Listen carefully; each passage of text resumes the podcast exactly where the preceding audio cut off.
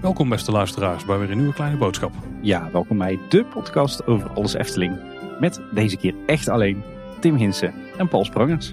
Marjolein, en nog wel bedankt voor de aanschuiven de vorige keer. Ja, was heel gezellig. Ja, we hebben de afgelopen tijd heel veel afleveringen opgenomen met, eh, met gasten erbij. Het laatste is de nieuwsaflevering met, eh, met Marjolein, maar ook allerlei interviews en dingen die nog komen gaan. We zitten voor het eerst in lange tijd weer dat wij gewoon met z'n tweeën een, eh, een keer een avondje opnemen, Paul. Ja, inderdaad. Voelt weer eh, als vanouds. Laten we dan ook weer een eh, ouderwetse nieuwsaflevering van maken. Maar misschien eerst voordat we daaraan beginnen, Tim, is dit nou een highlight van jouw week? Eh, dit is deze week voor mij inderdaad wel een van de hoogtepunten. Ja, nou was dat niet zo heel moeilijk, maar uh, godsamme een rotte week deze week zeg. Te weinig naar de Efteling geweest dan? Ja, ik ben inderdaad eh, voor, voor het laatste eh, afgelopen zondag naar de Efteling geweest. Dus inmiddels een dag of vijf geleden. Maar eh, nee, we, we lopen hier in het dorp lopen ze hier een beetje te, te sodemieteren met, met corona. Tenminste op de, op de school van mijn oudste dochter. Dus het is de hele week dan weer in quarantaine, dan toch weer uit quarantaine, dan toch weer in quarantaine. En tussendoor moet eigenlijk het werk ook gewoon doorgaan. Dus ik, het was een redelijk stressvolle week deze week. Overigens mag ik eh, eigenlijk niet klagen hoor. Ik bedoel, eh, wat, wat hadden we allemaal deze week? Het, het overlijden van Peter R. de Vries. Iets met extreme regenval en overstromingen in, eh, in Zuid-Limburg. Iets met een eh, vierde coronapiek. Dus het is, het is met weekje wel. Het, het enige andere leuke wat we deze week eigenlijk hebben is perfect Hollands zomerweer. Hè? Het is typisch Hollands zomerweer. ik denk niet dat de attractieparken daar heel blij mee zijn overigens. nee, ik denk het ook niet. Alhoewel, we hebben ineens een heleboel waterparken erbij in Nederland.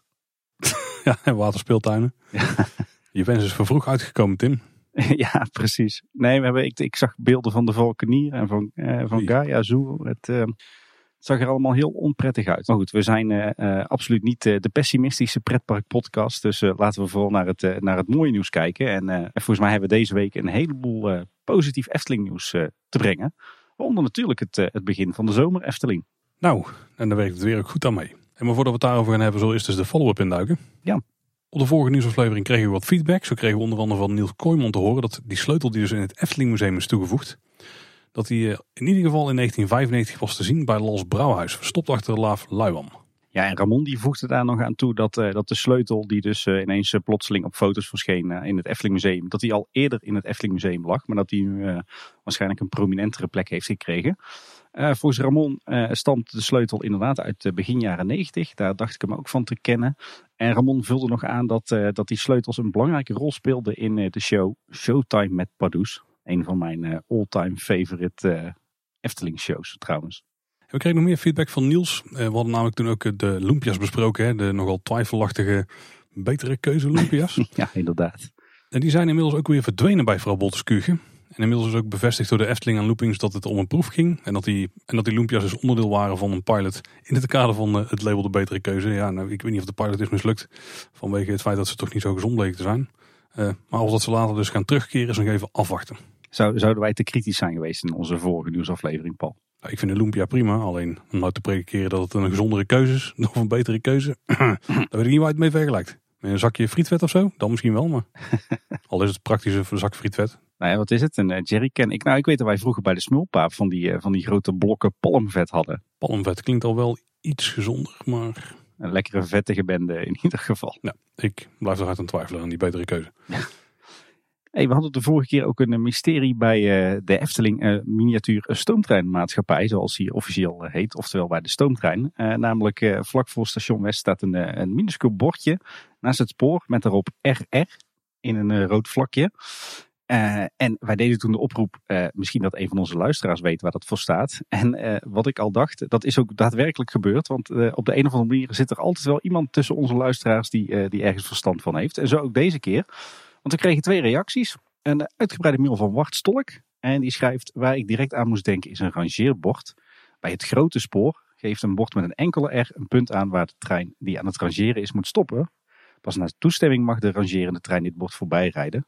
Het R-bord vind je vaak eh, vlak voordat de zijspoor zich voegt bij het hoofdspoor. Tot aan het eh, bordje kan de rangerende trein dus doen wat ze wil. Zonder de trein op het hoofdspoor in de weg te zitten. Voorbij dit bord komen de sporen zo dicht bij elkaar dat de treinen niet meer veilig langs elkaar heen kunnen. Het bordje geeft dan aan tot hoe ver de locomotief of wagons bij de remise kunnen rijden zonder dat het tot een botsing kan komen met de trein die de gasten rondrijdt. En we kregen ook nog een hele korte reactie van Menno94. En die schrijft, volgens mij betekent de RR rustig rijden, omdat ze wissels naderen. Dus uh, heren, bedankt voor jullie feedback. Volgens mij hebben we ongeveer wel te pakken waar dat bordje ervoor staat. Een verrassend Nederlands bordje dan. Rustig rijden hoor je. Ja, ik zou denken dat het misschien internationale signetjes voor uh, treinen of sporen. Of is het misschien in het Engels right relaxed? ja, right relaxed. Nee, ik geloof dat de hele spoorwereld redelijk, uh, uh, ja, moet ik dat zeggen, redelijk behoudend is. Dus in die zin kan ik me voorstellen dat, dat het nog ouderwets Nederlands is. Kijk. Misschien had het moet, moeten vragen aan onze collega's van de Spoorkast. Waarom hebben we dat eigenlijk niet direct gedaan? Ja, goede vraag. Kunnen we alsnog doen. hey, en nog een mysterie, Paul. We hadden het over de actie van uh, Visit Brabant, hè, die alle toeristische attracties in, uh, in Nederland aan het uh, promoten zijn. Die zetten overal van die metalen rode pijlen neer met erop een wit tekstje wat dan moet promoten wat je daar kunt doen of kunt zien. Ze staan nu in, in Brabant bij zo'n beetje alle dierentuinen, pretparken, kampeerboerderijen, hotels. Je vindt ze overal.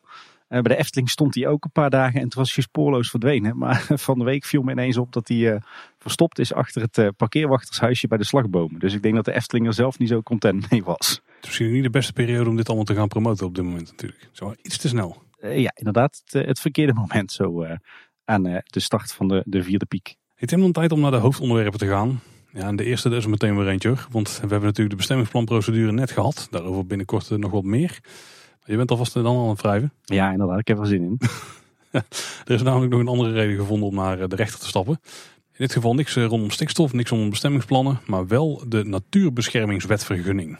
Ja, nou ja, jij zegt niks rondom stikstof. Dat is niet helemaal waar, want het draait vooral uh, rond stikstof. Nee, het is een beetje een, een vaag verhaal. Um, in de krant ging het, uh, hadden ze het over milieuvergunning. En er werd ook al gerefereerd aan een hele bestemmingsplanprocedure. Maar dit is echt een, een apart verhaal. Uh, want een milieuvergunning is echt weer iets anders dan een uh, vergunning uh, volgens de wet natuurbescherming. nou, hoe zit het? Dat hebben we een beetje uitgeplozen. Um, nou, de Efteling die mag volgens de huidige natuurbeschermingswetvergunning maar 5 miljoen bezoekers of bezoeken per jaar ontvangen. Nou goed, in 2017, 2018 en 2019 zijn ze natuurlijk flink over die grens heen gegaan. En de provincie die had toen als bevoegd gezag, zoals dat dan zo mooi heet, eigenlijk handhavend moeten optreden. Dus ja, wat hadden ze kunnen doen? Ze hadden de Efteling een aantal dagen kunnen sluiten. Ze hadden een, een flinke boete op kunnen leggen. Maar dat is niet gebeurd. En buurtbewoners die vinden dat dat wel had gemoeten. Dus die, die zijn naar de rechter gegaan. Hebben overigens niet de Efteling voor de rechter gedaagd, maar echt de provincie. Omdat ja, volgens hen de provincie dus had moeten handhaven. Nou, uh, waarom is die natuurbeschermingswetvergunning er nou? Dat heeft met name te maken uh, met de stikstofbelasting op de Loons in Duinen. Zoals het dan uh, zo mooi wordt verwoord. Dus hoeveel stikstof slaat er neer op dat Natura 2000 gebied dankzij de Efteling. En ik heb ook nog even uitgezocht hoe dat nou zit met die natuurbeschermingswet. Dat blijkt een vrij recente wet te zijn uit 2017. En daarin zijn een heleboel oude wetten samengevoegd. Uh, onder andere de Natuurbeschermingswet, de Flora- en Faunawet, de Boswet, de Vogelrichtlijn en de Habitatrichtlijn. En uh, die wet die beschermt vooral de Natura 2000 gebieden. Dus het, het gaat echt om natuur en flora en fauna en stikstof en vooral de Loons- en duinen dus. Nou had de provincie natuurlijk ook een, een verweer. En uh, een van hun belangrijkste argumenten is dat de Efteling al een nieuwe vergunning heeft aangevraagd. Maar wat mij daarbij opviel is dat de Efteling ervoor heeft gekozen om een, een nieuwe uh, vergunning op basis van de wet natuurbescherming aan te vragen voor 6 miljoen bezoeken per jaar. En niet uh, de 7 miljoen waar ze in principe naartoe willen groeien. Terwijl het nieuwe bestemmingsplan natuurlijk is geschreven om 7 miljoen gasten te kunnen ontvangen. Dus je zou denken, waarom vraag je dat dan niet alvast aan? Ja, ik vind het raar. Ik, als ik de Efteling was geweest, had ik ook meteen hier voor die 7 miljoen gegaan. In plaats van dat je nou voor 6 miljoen gaat en dan uh, hopelijk over een paar jaar weer uh, een nieuwe vergunning moet aanvragen. En een van onze luisteraars, Adam Talimet, die zit volgens mij in juridische zaken en die schreef een kleine juridische toelichting. Er zijn uitzonderingen op beginselsplicht tot handhaving, zoals een realistisch perspectief op legaliseren. Het bestemmingsplan waarin 7 miljoen als nieuwe max staat, was al lang in zicht en nu realiteit. Ik denk niet dat de bewoners veel kans maken. Kijk, dat zijn uh, hoopgevende woorden. Ja, daarnaast uh, plaatste het Zakblad ook nog een, een, kanttekening erbij. Een paar goede vragen. Uh, want zij schrijven, al lijkt 5 miljoen een heldere grens, het daadwerkelijk negatieve effect daarvan op het milieu blijkt een stuk minder meetbaar. Want hoe constateer je een overtreding als de stikstofregels nog altijd niet precies zijn vastgelegd? Als er steeds aanpassingen komen door nieuwe uitspraken. Het roept de vraag op of de Efteling daadwerkelijk de maximale stikstofdepositie van 15,15 mol per hectare per jaar overschrijdt als de 5 miljoenste bezoeker door de poort loopt. Dus ja, hier, uh, wat, wat de provincie hier eigenlijk als verweer aanvoerde is ja, Gaat het nou in die, die vergunning specifiek over die 5 miljoen bezoeken of vooral om de, de stikstofdepositie die daarmee samenhangt? Dat is natuurlijk ook een beetje een, ja, een vaag verhaal. Alles is natuurlijk een beetje een slap argument van het Brabant Dagblad, want want ja, waarom zou je regels maken als je er toch niet aan hoeft te houden? Maar dat maakt dus volgens Adam bijvoorbeeld helemaal niet uit. Ja, verder geeft de provincie aan dat de Efteling, terwijl dit allemaal liep, al een aantal milieubesparende maatregelen heeft doorgevoerd. En ik neem aan dat die dan dus niet waren meegenomen in die originele beslissing. Nee. Zoals we het aan elektrische bladbladers gebruiken in plaats van degene die dus ook uitstoot uh, genereren. En ook de kampvuren terugdringen. Al valt het laatste in de praktijk wel mee. Ja, ze hebben het afgelopen jaar gedaan, maar ja, toen zijn er ook geen 5 miljoen bezoekers door de poort heen gekomen. Het Brabants Dagblad die had ook nog een paar uh, argumenten aan. Die zegt ook de Efteling heeft zonnepanelen eh, geplaatst, heel veel. Ze hebben heel veel lampen vervangen voor ledlampen. En in 2030 willen ze klimaatneutraal zijn. Ja, die ledlampen zonnepanelen hebben al helemaal niks te maken met stikstofuitstoot. Want daardoor stoot je niet minder uit in de, in de omgeving van de Efteling, zeg maar. Nee, dat, uh, dat wordt vaak door, met elkaar verwacht. Dus dat is geen argument in deze. Nou goed, over zes weken verwachten ze uitspraak. Dat zou rond 18 eh, augustus zijn. Dus laten we dan hopen dat de provincie in het gelijk wordt gesteld. Want ja, mochten de buurtbewoners gelijk krijgen, dan kan dat betekenen dat de Efteling alsnog bijvoorbeeld een, een boete moet krijgen. Of ze hebben ook de Efteling nog om wat, wat toelichting gevraagd. En de Efteling geeft aan dat de huidige natuurbeschermingswetvergunning uit 2016 komt. En daarin is dus die stikstofuitstoot vergund. En daarbij is gerekend met de bewegingen van het verkeer als gevolg van 5 miljoen bezoeken op jaarbasis. Dus het, dus het heeft vooral te maken met het, het vervoer van die 5 miljoen bezoekers. verder schrijven ze ook dat ze dus al een tijd bezig zijn met een nieuwe vergunningsaanvraag. Waarin ze, ze verantwoorden hoe ze de, de, de hogere stikstofdepositie door het eh, groeiende aantal bezoeken eh, willen compenseren. Dat willen ze doen door zelf minder stikstof uit te stoten. Eh, zoveel mogelijk eh, door eh, intern te compenseren, zoals dat dan zo mooi heet. Dus door de eigen stikstofuitstoot als, als bedrijf zijn naar beneden te brengen. Die aanvraag die hebben ze op 1 oktober 2020 ingediend. vrij recent dus nog eigenlijk. Uh, dat lukte niet eerder omdat uh, sinds mei 2019 uh, de pas niet langer gebruikt wordt en de berekeningen en richtlijnen telkens veranderden. En nu is daar pas duidelijkheid over. Ja, verder hebben we ook nog aan de Efteling de vraag gesteld, hoe zit het nou met, met die milieuvergunningen? Daar hadden we het de vorige keer over in onze nieuwsaflevering. We gingen er allemaal van uit dat nu het bestemmingsplan is vastgesteld. Dat we nog maar acht weken hoeven te wachten tot een bouwvergunning wordt vergund. Maar dat is dus niet het geval. Uh, ze moeten er alsnog uh, minimaal 26 weken, dus een half jaar op wachten uh, als ze buiten de parkgrenzen gaan bouwen, omdat de milieuvergunning nog niet is aangepast. Nou goed, wij hebben nu toch eens de vraag gesteld, waarom pas je dan niet meteen ook die milieuvergunning aan? Maar de Efteling geeft aan, voor een milieuvergunning is het over het algemeen belangrijk om goed te weten wat er staat te gebeuren. Dus we zullen die aanvragen voor locaties wanneer we concreter weten wat er gaat gebeuren dan wat er nu in het bestemmingsplan staat.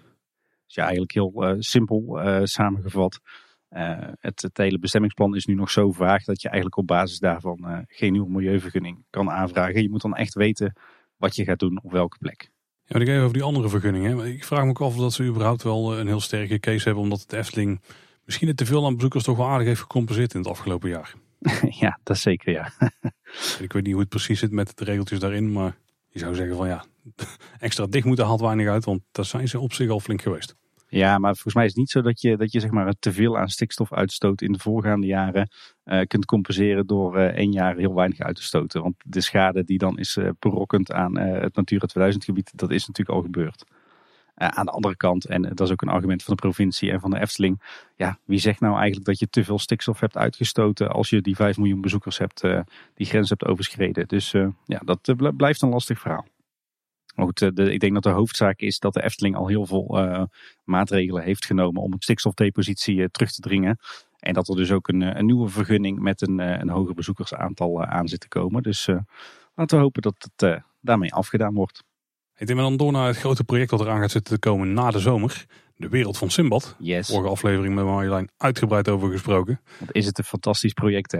En toch nog een paar kleine nieuwtjes die boven water zijn gekomen. Heel, uh, heel goed, Paul. Wel een beetje cru uh, gezien de situatie in Zuid-Limburg. Maar goed. Oeh ja, sorry. we moeten wel uh, opletten dat we voldoende woke zijn hè, als het gaat om waterstanden. Nou, niet daar alleen. Stel er zijn luisteraars die zijn getroffen door die ellende. Dan sterkte met alles weer geregeld krijgen. Want kost een hoop tijd en ellende. Ja, absoluut. We maken er natuurlijk een paar flauwe grapjes over. Maar we beseffen dat het ongelooflijk is. Ja. Ja, laten we het eh, maar gaan hebben inderdaad over de wereld van Simbad. Nog een paar kleine dingetjes. Zo zagen we de, de webcare nog ergens roepen dat uh, komende winter Archipel en Sirocco openen. Maar omdat het waterattracties zijn, houden ze nog een kleine slag om de arm. Waterattracties in meervoud? Ik vraag me ook af in hoeverre de webcare op de hoogte is van, uh, van de plan hoor. Misschien hebben die ook dezelfde concept art bekeken en gedacht... hé, hey, er zitten golven daartussen die bootjes in, uh, die, op die draaischijf. Ja. En dat het een beetje eigen interpretatie is. Ja, in zekere zin is het natuurlijk wel een waterattractie. Tenminste, Sirocco was een attractie met een waterthema. Wat dat betreft klopt het zeker, ja. Maar nou wat spannender, want gedurende een aantal dagen stond er een, een heel interessant gegeven op de onderhoudspagina van de Efteling website. Want als je die kalender een beetje goed bekeek, dan leek het erop dat het gebied op dinsdag 14 december weer zou openen. Ja, dat stond inderdaad mooi in de, de onderhoudsplanning. Dat zowel Monsieur Cannibal als het avonturendolhof van 6 september tot en met 13 december gesloten waren voor onderhoud. Uh, waaruit wij inderdaad met z'n allen de conclusie trokken dat dinsdag 14 december de openingsdatum wordt. Maar de beide attracties zijn inmiddels van die onderhoudskalender afgehaald. Dus ja, de vraag is even of het, of het gewoon een foutje was. Of de, dat de Efteling er toch niet zo blij mee is dat die informatie zo op straat kwam te liggen. Maar het is in ieder geval niet meer terug te vinden op de website. Maar ja, het lijkt er dus op dat de wereld van Simbad op 14 december opent. Dat zou een dikke drie maanden zijn. Dat is best vlot voor het wegtrekken van het hele avonturendol vandaar. Nou ja, nou trouwens. Nou, het zou wel kunnen trouwens. Ja. Het is een hele strakke planning. Maar goed, dat, uh, dat zijn we de laatste tijd wel vaker van de Efteling gewend natuurlijk. Er was ook nog wat uh, heisa rondom uh, Simbad als thema als kern van, van wat hier komt te staan. Ja, want er verscheen onder andere een column van Marjolein Hurkmans in de Telegraaf. En de strekking daarbij was een beetje dat Simbad dus geen lievertje was. En dat het ook een dierenmishandelende moordenaar was. Volgens mij was het ook een beetje hoe Loopings het bracht dat het artikel was geschreven. Maar als je het artikel nou echt ging lezen, dan bleek het vrij sarcastisch te zijn. Redelijk sarcastisch, ja. Er was een strekking meer van waarom doen we eigenlijk moeilijk over dit soort dingen? Gaan we niet een beetje te ver? Ja, de, de wokeness van Nederland werd een beetje op de hak genomen. Hè? Ja, in specifieke situaties inderdaad, ja. Overigens stond later ook nog wel een, een serieuze ingezonden brief in het Brabants Dagblad hier.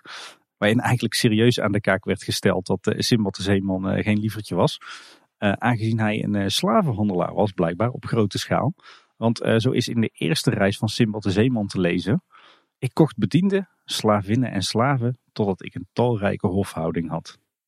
Dus ja, Simbad de Zeeman was inderdaad een, nou geen slavenhandelaar, maar hij had inderdaad een, een hele huishouding van slaven, blijkbaar.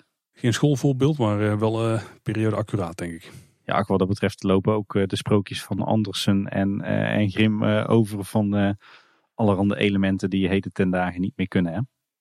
Ja, dat is waar. Ja. En de vorige keer vroegen we ons hardop af, hoe zit het nu met de walvis, met de walvis van Polka Marina? Gaat hij hier misschien nog terugkomen? Dat, dat weten we dan nog steeds niet zeker. We hebben wel een sterke vermoeden van niet. Maar we kregen van zowel Kevin als Frederik een tip.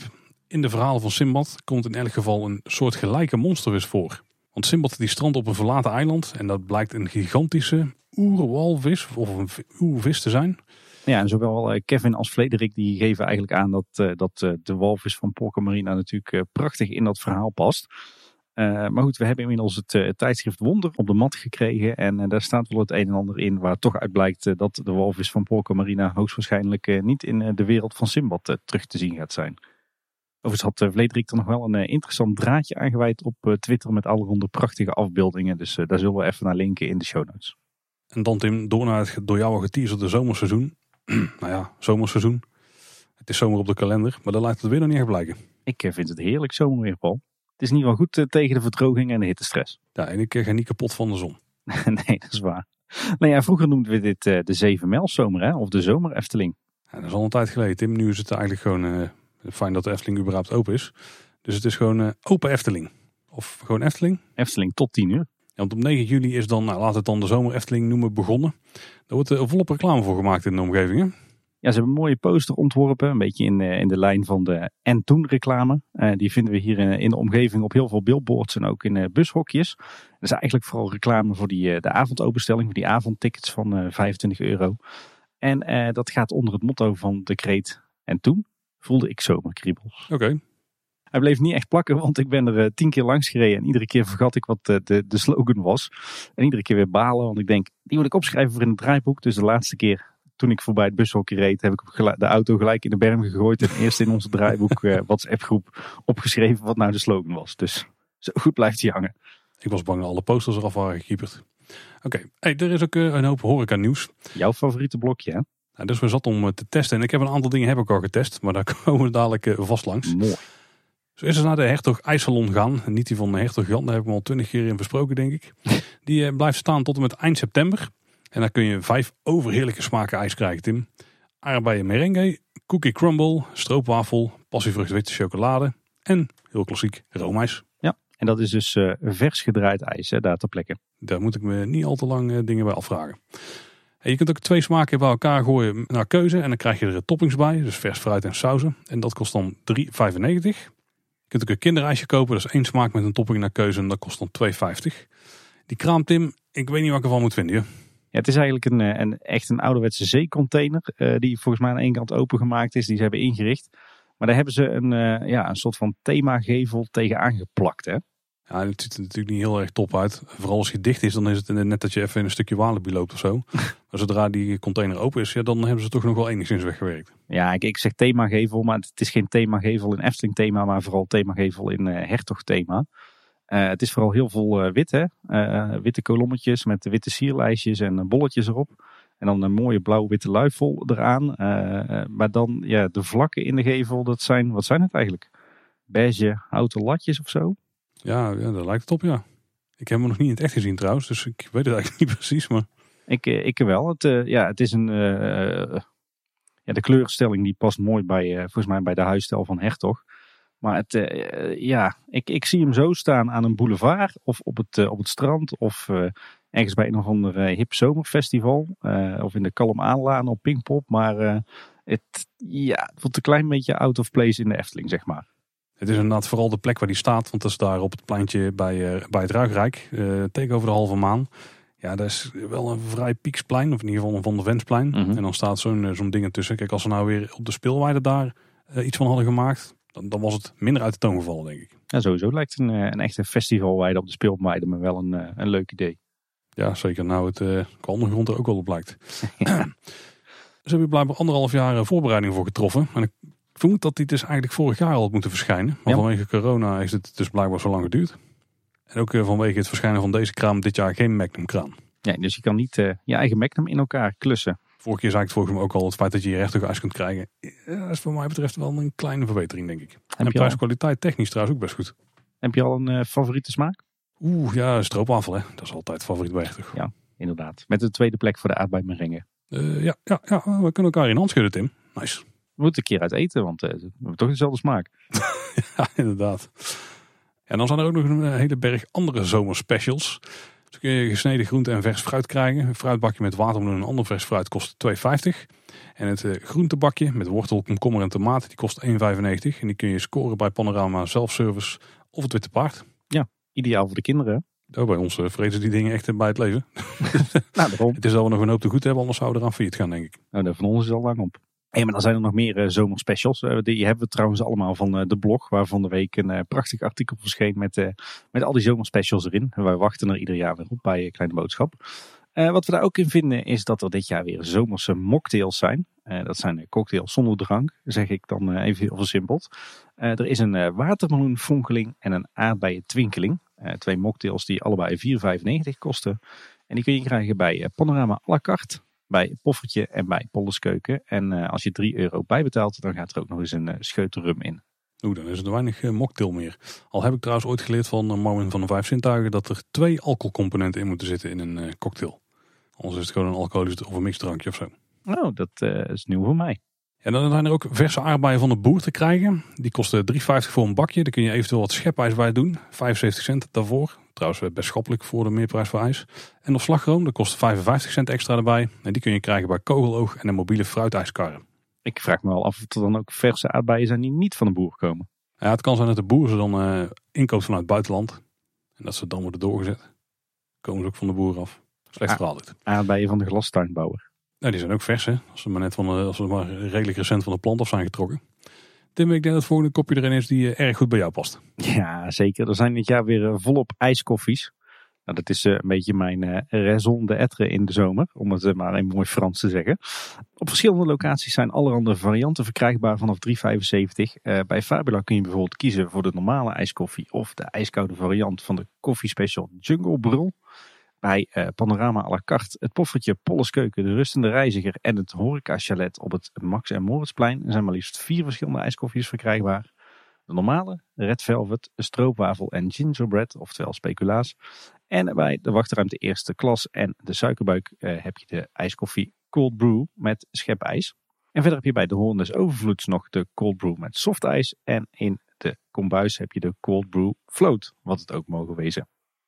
Kortom, overal in de Efteling ijskoffie. En uh, ja, wat mij betreft uh, een prima ontwikkeling. Want je kan uh, nooit genoeg ijskoffie hebben. Ik vermoed dat de cold brew float, dat dat een... Eigenlijk hetzelfde als die cold brew met softijs, maar dan met een bolletje roomijs erin. Die erin drijft, vandaar de float. Jij snapt hem. Dat is ook een aanleiding van dat, die, die Disney Signature Snack toch, waarvan ik de naam nu even ontschoten, me ontschoten is. De Dole float. Juist. Ja, die werkt dan net iets anders, maar volgens mij is het origineel een root beer float. Dat is ook met een, dat is een softdrink met een bolletje ijzer in ook. Klassiek Amerikaans. Kijk, je leert het bij Kleine Boodschap. Jazeker. En volgens mij kun je hem wel vaker krijgen, maar hij staat er ook weer overal als zomer special aangeduid. En dat is de wafel met aardbeien, nog maar aardbeien Tim. En slagroom en vanilleijs en die kun je bij de suikerbuik halen op het Andere Piekplein. Dan zijn er ook dit jaar weer frozen fristies en frozen chocomels voor 3,75 bij de mobiele chocomelkar. Ja, en nog meer mocktails, maar dan op andere plekken. De Frozen Mojito en Pina Colada mocktail. Die kosten ieder 4,75. Die kun je bij de Piranha Bar krijgen. En eventueel ook met een scheutje rum voor 3 euro extra. Dit is wel de betere manier om dit te verkopen trouwens. Want ik denk dat in een restaurant die dingen verkopen, dat is aardig. Maar juist bij zo'n barretje zoals bij Piranha, dat is eigenlijk een veel betere methode toch om dit uh, uit te delen. Eigenlijk hoort er dan wel entertainment bij in de buurt. Dat hebben we dan niet, maar, maar dan nog. Thematisch past het daar inderdaad prima. Je kunt ook een uh, bier krijgen voor 5 euro in de carouselbar, de rustende reiziger. Een mobiele bar bij Vogelrok die daar gaat verschijnen en bij Pollers Keuken. hey, maar hier zie ik wel een leuk nieuwtje voorbij komen, Paul. Want volgens mij is de carouselbar inmiddels al een hele tijd dicht, ook in relatie tot corona. Maar blijkbaar gaat hij dus deze zomer weer open. Ja, nou, dan moeten we misschien een flinke slag om de arm houden. Dat was misschien het plan. Ik vermoed dat het nou niet meer zo zal zijn. kan zijn dat er zomaar weer wat meer restricties komen. Ja, maar, Misschien eind van de zomer. Het zou goed nieuws zijn, want het blijft toch een heerlijke plek om met wat vrienden rond te hangen. Ja, zeker. En trouwens ook terug van weg geweest, de ijsdonut. Die kun je bij Rondje van de Molen scoren. En dan hebben we ook nog de Fanta Float. Ik denk weer een, een frozen Fanta met een bolletje Roma. Ik denk niet dat het echt gewoon Fanta is. Ik heb hem vorig jaar al op. Dit is, deze is terug van weg geweest. Oh, die heb ik trouwens ook op, ja. Ja, het is inderdaad. Dat is een dot uh, softijs in, toch? In die Frozen Fanta. Ja, klopt. Ja, ja, ja, ja. De score bij de kombuis wederom. Als uh, goed, uh, goed binnen te houden vorig jaar. En dan ook nog nieuw bij het Silent Fregat. Popcorn in regenboogkleuren. Ja, Paul. En volgens mij heb jij je er al aan gewaagd, hè? Ik heb hier flinke studie op gedaan, Tim. Ja, en daarvan moest ik het natuurlijk kopen. Waarbij het eerste onderdeel een grote verrassing was. Ik denk, ik scoorde er eentje. En als je dan de poster voor de deur ziet op het sandwichbord, dan denk je, oh ja, je krijgt een bakje. Er staat daar een van een chic metalen bakje op. Ik ga dan vanuit dat ik een papieren bakje krijg met die drie kleuren erin. Uh, dat viel een beetje tegen en ik wilde dit wel testen. Want de enige manier om dit te krijgen was een enorm grote zak kopen. Nou Tim, dat ding dat was zo groot. Ik denk dat ik daar uh, met de winnende check van de staatsloterij, als ik die had vastgehouden, dat uh, net zoveel mensen me hadden nagewezen als met, met, die, als met die zak popcorn. Dat was echt niet normaal. Echt, ik denk dat ik al 15 keer heb gehoord, wow, dat is een grote zak popcorn. Nou, ja, dat ding dat was echt groot. Ik zag een foto van jou met je dochters en volgens mij was de zak popcorn was groter dan je jongste dochter. Het was ongeveer de derde dochter op dat moment, ja. ja. Toen ook een beetje denken aan de Scandinavische pretparken, waar je bij al die spelletjes kramen van die uh, een van die reuze versies kunt, ja. kunt winnen van een uh, Toblerone reep of een zak chips ja, of zo. Ja, ja, inderdaad. Of van die mega KitKats. Ja. ja. Nee, dit, dit, was echt een mega zak. Dat was ook de enige optie. Volgens mij kostte die 5 euro. de prijskwaliteit eigenlijk best goed. Want volgens mij een klein bakje popcorn is 2 of 3 euro of zo. En dit was echt wel zeker het 5, 6, 7voudige daarvan. Je hebt er een week van gegeten. Ja, dat duurde wel een dag of drie voordat hij op was. Ja, inderdaad. Maar even terug naar de popcorn. Er zitten dus drie kleuren slash smaken popcorn in. Het is uh, lastig te proeven overigens. Maar je hebt een, beetje blauw-groene popcorn. Hè. Ook hier kun je weer discussie houden. Pieksgroen of pieksblauw? Of, nou, dat maakt er verder niet uit. Die zou naar bosbessen moeten smaken. Dat was vrij pittig om dat eruit te halen. Dan heb je geel. Eh, dat zou dan naar banaan moeten smaken. En dan heb je nog rood. En dat zou naar aardbeien moeten smaken. En de manier waarop ze die popcorn dus kleur is met hetzelfde suiker wat ze toch al gebruiken voor de suikerspinnen. Uh, die draaien ze er gewoon doorheen volgens mij. Dus nogmaals, de smaken zijn lastig te ontdekken als je eerst de banaan eet en dan de bosbessen, dan proef je echt een vleugje bosbessen. Mm -hmm. Net dat er uh, op een twee meter afstand eentje fijn wordt geperst, zeg maar. Dat is een beetje het niveau van de hoeveelheid smaak die je dan tot je krijgt. Maar het is wel erg zoet en dat past goed bij popcorn. Al ben ik zelf meer van de zouten. Maar, maar buiten dat de hoeveelheid misschien iets te overdadig was voor een dagje pretpark. Want uiteindelijk hebben we gewoon zoveel leeg gegeten dat we hem in de rugzak konden bedouwen. Dat we niet meer als een stel, ja, eigenlijk als een nieuwe attractie door het park liepen is het wel gewoon een erg smakelijk tussendoortje voor een best goede prijs. Alleen, ja, je hebt er thuis ook nog wel een paar handen plezier van. Dat is ook leuk, toch? Een soort, meteen een soort souvenir. Oh. Je weet wel wat wij als toetje op hebben diezelfde dag nog, denk ja, kwam het je op een gegeven moment niet de neusgaten uit, figuurlijk? Nee, want ik heb uh, bewust uh, niet al te veel in het park gegeten. ik geloof er niks van. Mijn best gedaan in ieder geval. Hey, we hebben in uh, de nieuwe wonder, waar we het zo meteen nog even over gaan hebben, zaten ook nog twee nieuwe zomerspecials die niet op de blog voorbij kwamen. Uh, zo kan je bij de softijs tentjes kan je nu ook de Sunday extra krijgen. Met uh, marshmallow, stroopwafel of Oreo smaak. En uh, dat wordt geleverd in een bakje dat je kan opeten, zo'n koekbakje. En die heb ik toevallig afgelopen weekend geprobeerd en nou, dat bakje smaakt goed. En ook verkrijgbaar een pokeball met zalm. Die kun je bij de Meermin en bij, en bij Toko Pagoda halen. Maar Paul, ik heb hier toch even een, een, een echte eettip. Een eettip? Ja. Oh. Mocht je nou uh, hier in de regio wonen of je bezoekt een keer uh, de, de, Efteling gecombineerd met een, een paar overnachtingen in de Efteling Resorts of hier in het dorp. En je hebt echt even zin in een goede sushi of een goede pokeball. Dan, dan heb ik echt denk ik ja, een pareltje voor je Paul. Brandos. Want wij hebben hier in Kaatsheuvel stiekem een ontzettend goede viswinkel zitten. De parel van Azië sinds een paar jaar. En uh, even los van dat die hele goede vis hebben en allerlei uh, menus met uh, gebakken vis, heb je daar echt nou, de meest fantastische sushi en pokeballs die je hier in, in Midden-Brabant kunt krijgen. Dat zit hier gewoon in, in het centrum van Kaatsheuvel. Dus mocht je hier een paar dagen vertoeven in of bij de Efteling en je hebt even zin in goede sushi, ga eens naar de Parel van Azië. Echt hele goede sushi. En logistiek is er binnen af en toe een drama, maar je kan het ook gewoon laten bezorgen of van tevoren bestellen dat je het komt ophalen. Dus dat is zeker een aanrader. Goeie tip Tim. Geen negen Pluimenstein dit jaar. Dat zal geen grote verrassing zijn. Maar toch wat extra entertainment lijkt het zo. Ja. De heks Vlieg en Vlug is namelijk weer terug. En die kun je op verschillende momenten kun je die gewoon door het park heen zien zoeven. Of eigenlijk vliegen. Niet te veel spoilen. Maar wat ook terug is, en dit was een vrij grote verrassing. De uitzwaai droomvlucht elfjes. Die had ik niet verwacht in. Nee, inderdaad. Er wordt eh, plots een uh, schommelbank uh, versierd met bloemen geplaatst in zo'n eh, perkje naast de Pardoespromenade. Dat kan, want er eh, staat dit jaar toch geen zomerbloeiers in. Die kennen we trouwens nog van het eh, fantastische evenement Midzomernacht. Waar ik nog steeds een zwak voor heb. Maar s'avonds zitten daar dus twee droomvluchtelfjes in te schommelen. En die zwaaien je uit. En ik geloof dat ze van tevoren ook nog een rondje door het park heen lopen in vol ornaat. Dus zo waren droomvluchtelfjes tijdens, ik wou zeggen tijdens Negenpleinenfestijn. Maar dat was wishful thinking, denk ik. Bij Nest was ook een uh, fotolocatie verschenen, Marina. Het bootje wat daarbij links van de ingang uh, eigenlijk staat. Daar kun je tegenwoordig ook op de foto met Pardoes. In zijn uh, tovermantel. Ja. Als een ware meet and greet. Ja, inderdaad. Mijn kids hebben er gelijk gebruik van gemaakt van die mogelijkheid om eindelijk weer eens met Pardoes te knuffelen. Hey, nog een uh, bijzondere Paul, want uh, toen uh, een tijdje terug de, de, de zomertickets werden aangekondigd, het ticketmaan waarmee je van 6 tot 10 het park in kan voor 25 euro, toen werd daar heel enthousiast bij aangekondigd van je kan je avond nog verder verlengen, want om kwart over tien s'avonds is er nog een laatste Aquanura show. Maar grappig genoeg werd dat recent ineens teruggedraaid. Want de laatste Aquanura show is niet om kwart over tien, maar om kwart voor tien. Dus je Efteling dag eindigt echt om tien uur. er is trouwens ook nog een show om kwart voor negen. Ja, dat is inderdaad een beetje jammer. Ook jammer is dat er dit jaar geen Sprookjesboom zomerconcert is. Ondanks dat er her en der wat oude posters hangen. Al zijn ze ook wel weer verwijderd inmiddels volgens mij. Toen ze de Efteling erop hadden gewezen. Want het theater wordt momenteel gebruikt voor de repetities van Caro. Weet je Paul, ik eh, ben blij dat de Efteling uh, weer volle bak open is. En nu ook tot tien uur s'avonds. Maar ik moet zeggen dat ik ja, het zomerprogramma van de Efteling toch een beetje, een beetje schraal vind of zo. Als je dan kijkt wat, wat, wat bijvoorbeeld een Toverland nu doet wat uh, heel veel dierentuinen doen. Uh, nou, ik was laatst in de Beekse Bergen. Daar hebben ze nou het, uh, het evenement Zomer met een S.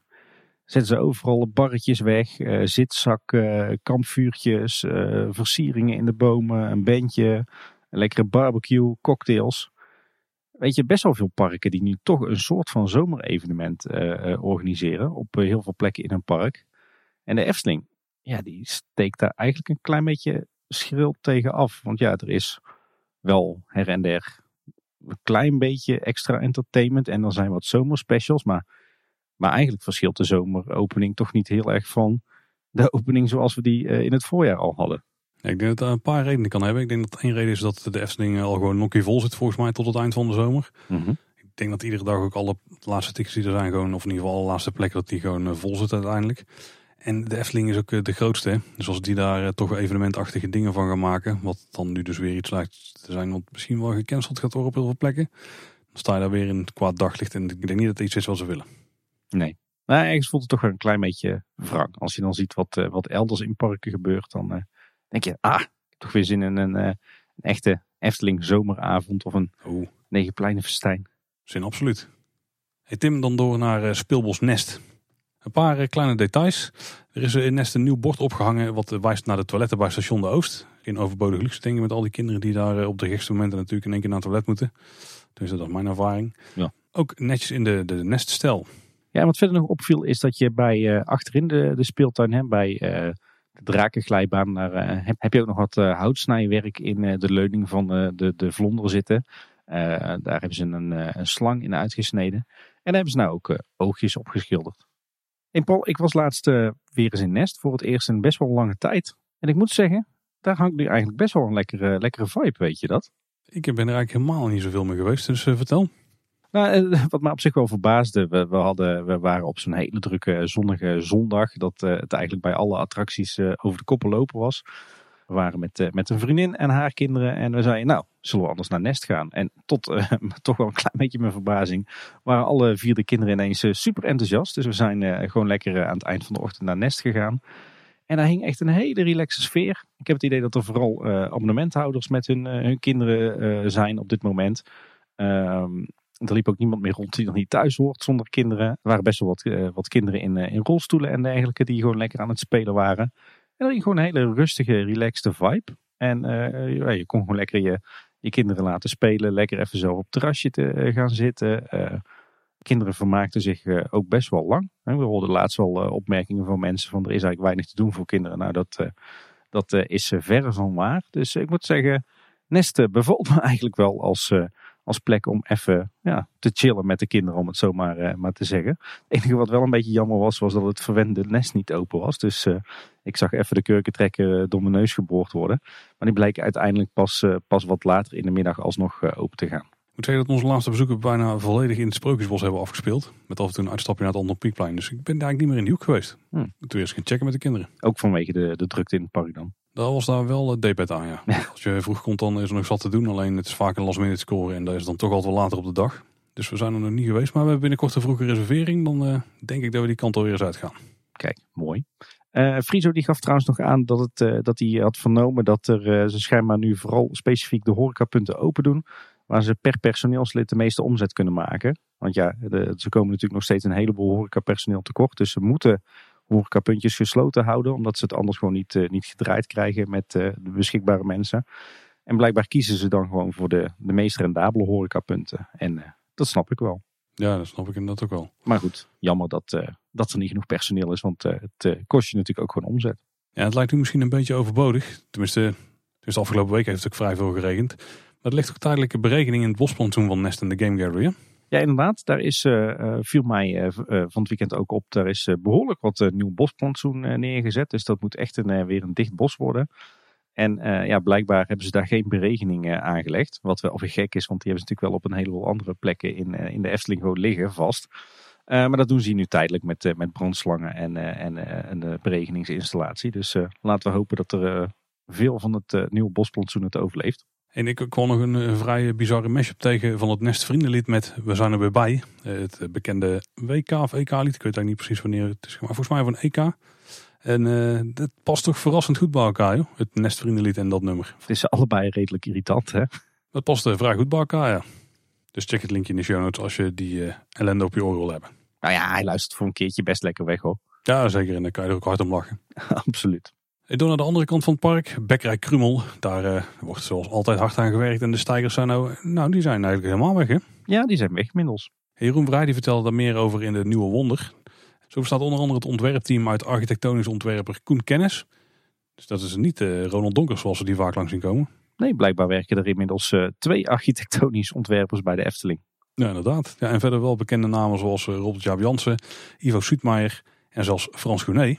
Ja, en die heeft tegenwoordig de titel Creatief Concept Specialist Horeca. Zo. Maar dan is Frans dus weer terug naar eh, de horeca-tak van de Efteling. Nee, volgens mij is, is Frans altijd in de basis uh, conceptmanager horeca gebleven. Maar heeft hij het baantje als inspiratiemanager een beetje naast gedaan. Ah, oké.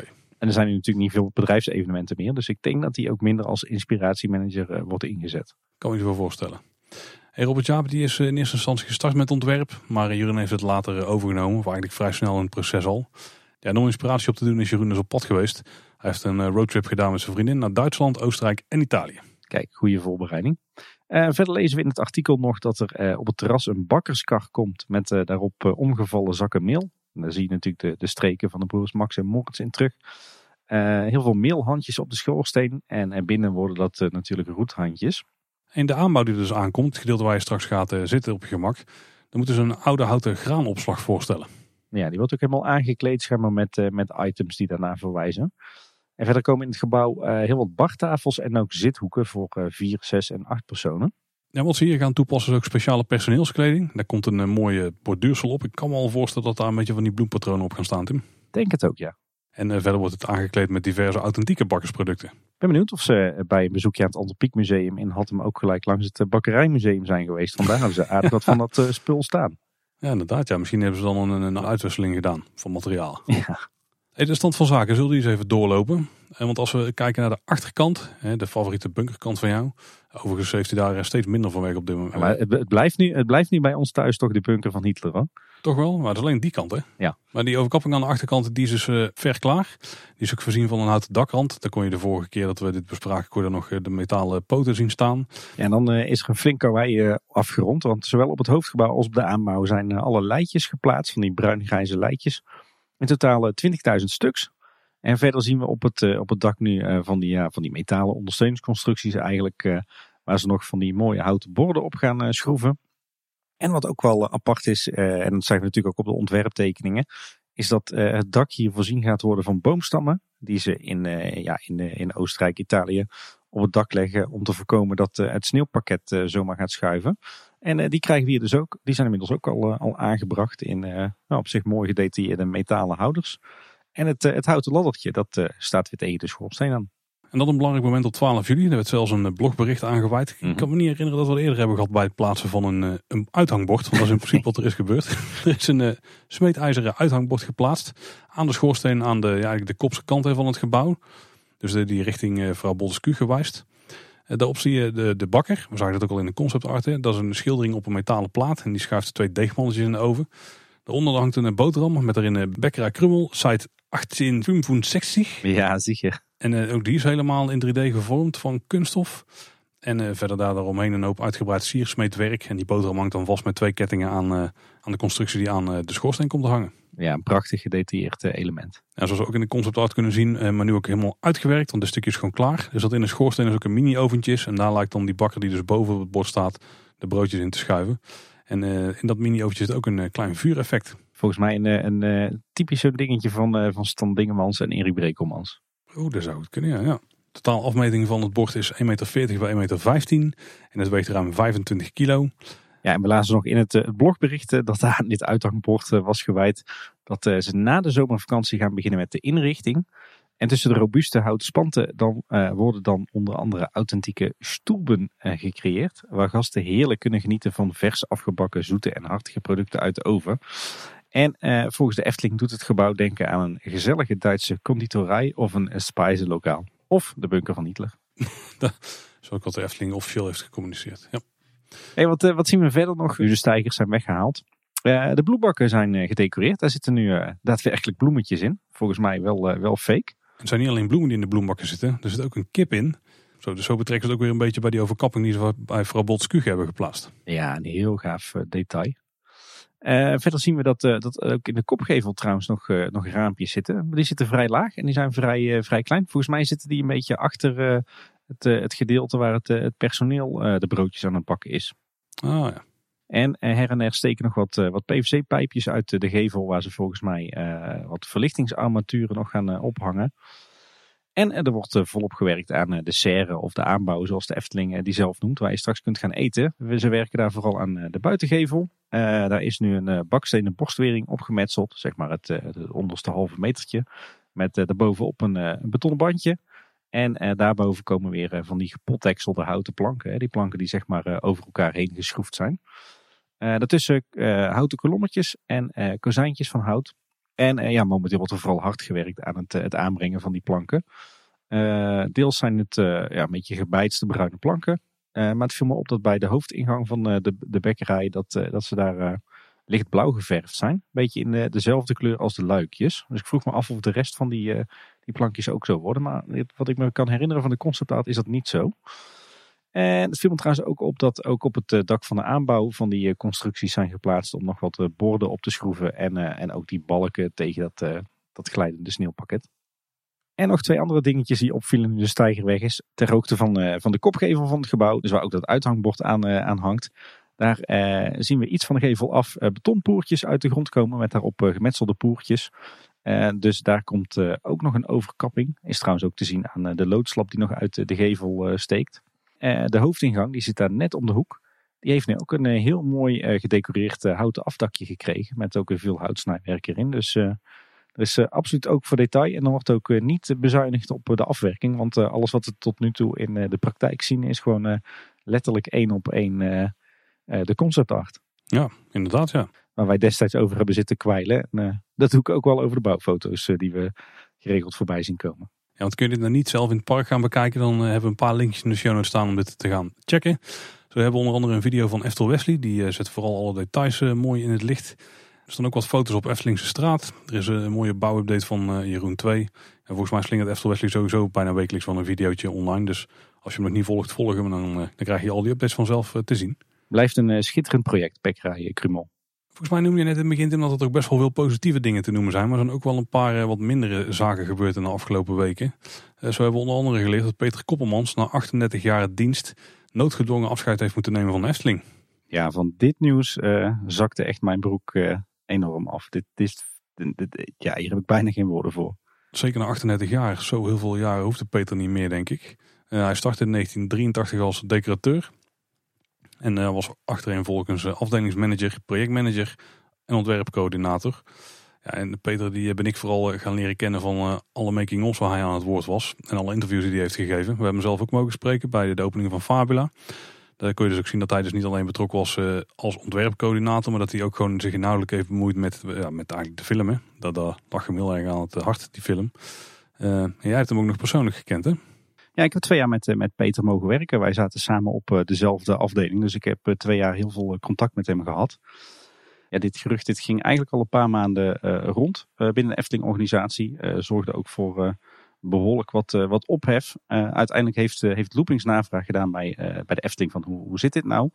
En de woordvoerder van de Efteling die geeft aan dat het te maken zou hebben met een wijziging in de afdelingsstructuur. waarbij Peter niet is herplaatst. En de Efteling zegt, uh, Peter is ontzettend belangrijk geweest voor het uh, park en daar zijn we hem dankbaar voor. En de komende tijd zet hij zich nog in voor de Efteling. En daarna gaan ze in uh, goede harmonie uit elkaar. Maar goed, natuurlijk wel heel erg ja, naar pijnlijk nieuws voor Peter. Want ja, wat ik al zei, ik heb twee jaar met hem mogen werken.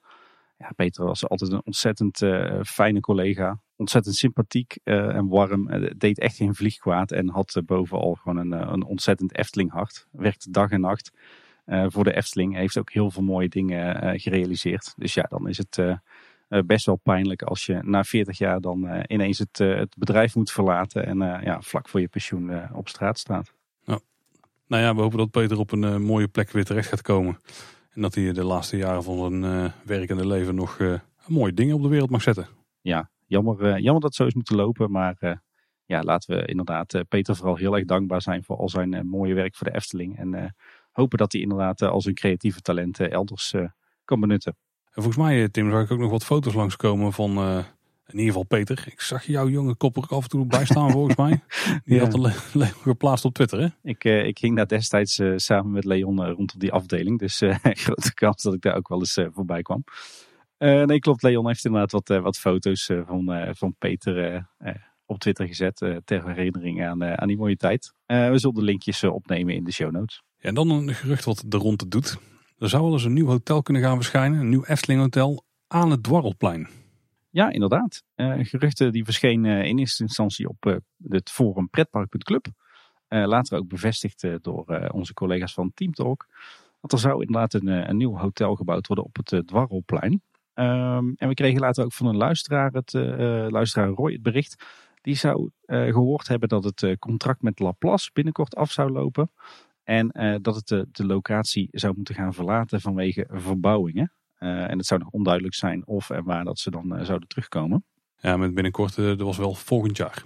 Ja, inderdaad. Dat was het april 2022, toch? Ja, zoiets inderdaad. Ja. Nou. Dan gaan natuurlijk een hoop radertjes draaien, denk ik, Tim. Wat zou dan kunnen gaan verschijnen voor hotel? Ja, en ja. aan het Dwarrelplein?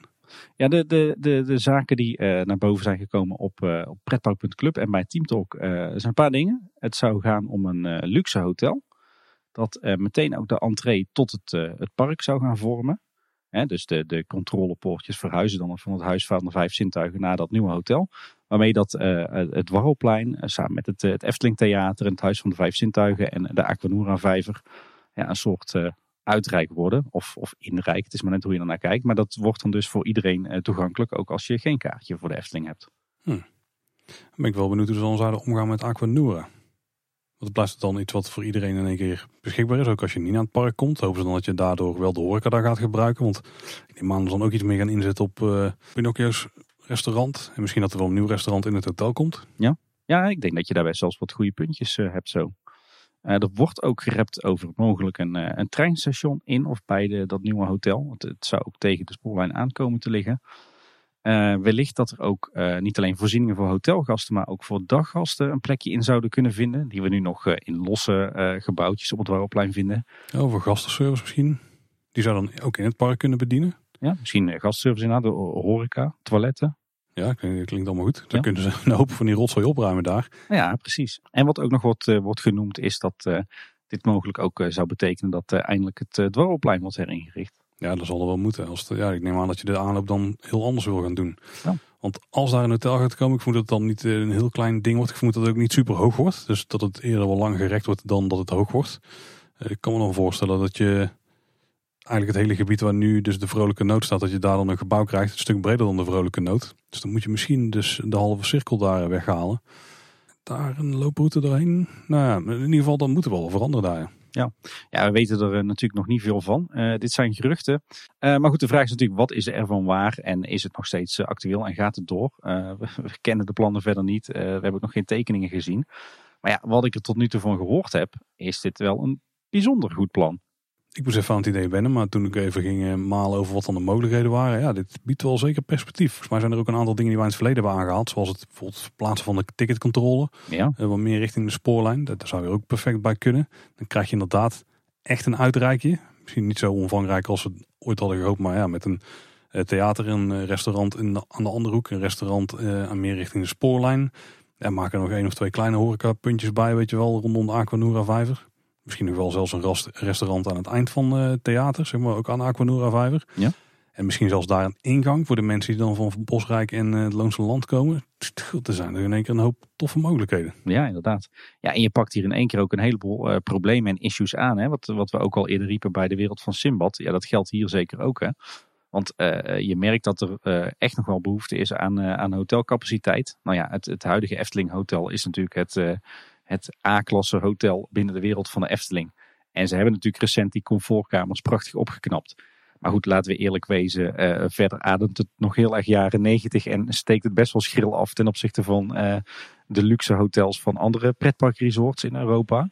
Dus in die zin uh, zou dit natuurlijk een hele goede kans zijn om een, een, luxe modern hotel te bouwen. In thema wellicht. Uh, ja, en als je dan toch een luxe hotel bouwt in het, uh, het allerduurste prijssegment, ja, dan qua locatie uh, heb je dan hier toch wel de A-locatie te pakken. En ik denk dat je daarmee ook wel het voordeeltje te pakken hebt waardoor je de mensen hier extra voor kunt laten betalen. Ja. Want het is een luxe hotel, echt aan de entree van het park. Ik bedoel, je loopt echt dan rechtstreeks gewoon het park in, bij de, bij de plek waar in principe je ook binnen hoort te komen. Het klinkt heel goed. Ja. Ja, ik denk dat je dan ook het, het, Efteling, het bestaande Efteling Hotel ook niet goedkoper hoeft te maken of zo. Dat, dat kan gewoon in zijn huidige prijsklasse blijven zitten. Maar uh, hier kan je echt een tandje erbij doen. En je kan eindelijk eens een keer uh, een, een, hotel bouwen wat echt uh, van A tot Z in thema is en helemaal immersive. Dus ik denk dat dat een, echt een kans is. ja, en verder, wat we al zeiden, je pakt best wel veel probleempjes op. Hè? Die spoorwegovergang, waar eens een keer wat mee moet gebeuren de kaartcontrole verhuizen richting de ingang van het park. Uh, het dwaroplein wat ja, ratje toe is eigenlijk van allemaal tijdelijke voorzieningen. Dat kan je hiermee aanpakken. Ja, dit is, als dit waar is, dan heb je hier volgens mij echt een schitterend plan te pakken. En volgens mij ook wel het meest interessante bouwproject in uh, de geschiedenis van Kleine Boodschap. Tot op heden. Ja, tenzij Strookrijk in één keer uh, vol een bak van start gaat. Maar inderdaad, ja. Ja, ik geloof dat de geruchten wel zijn dat dit nog voor Strookrijk zou gaan plaatsvinden, toch?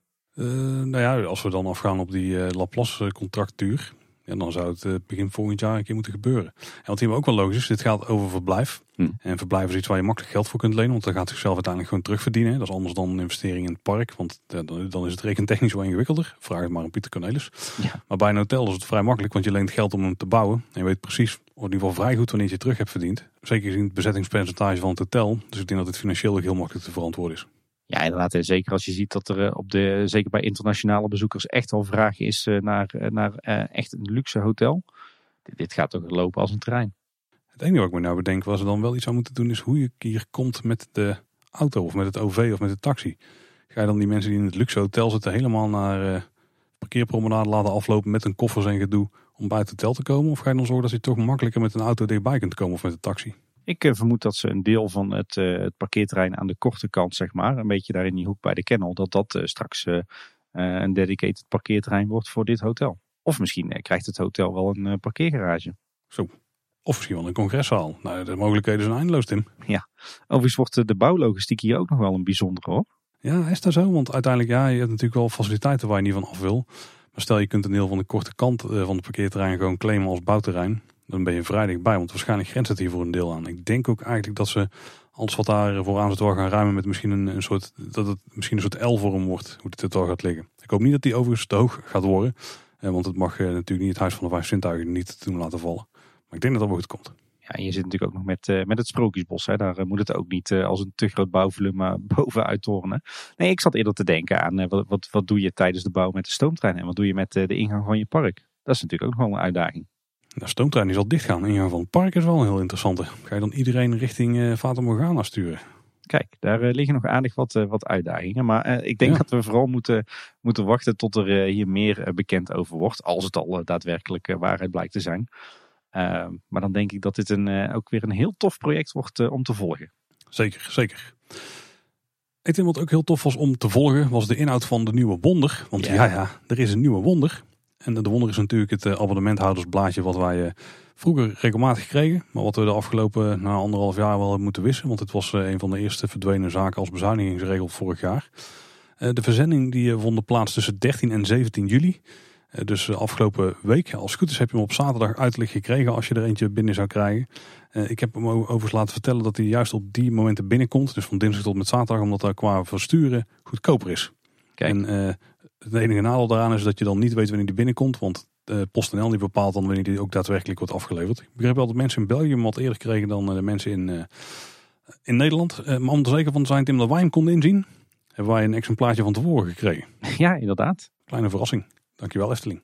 Ja, die werd hier gewoon thuis bezorgd, zodat we hem zeker mee konden nemen in deze nieuwsaflevering. Heel uh, sympathiek. Ik vind het trouwens altijd grappig, als de wonder dan uitkomt, dan ontstaat er uh, in die week zeg maar uh, een storm op Twitter van mensen die roepen, ik heb hem nog niet, heb jij hem al? Zou ik hem gaan krijgen dit jaar? Of zou die verdwenen zijn? Of zou ik hem niet meer krijgen? Dat is altijd heel mooi om te zien. Er zijn trouwens een paar dingen bijzonder aan deze wonder. Sowieso is het dus de eerste in lange tijd. En het is best wel verrassend dat hij nu al terugkomt, hè? omdat hij natuurlijk eerder is weggegaan als bezuinigingsmaatregel. Ja, ja, en ze hebben er ook nog wel wat speciaals van gemaakt.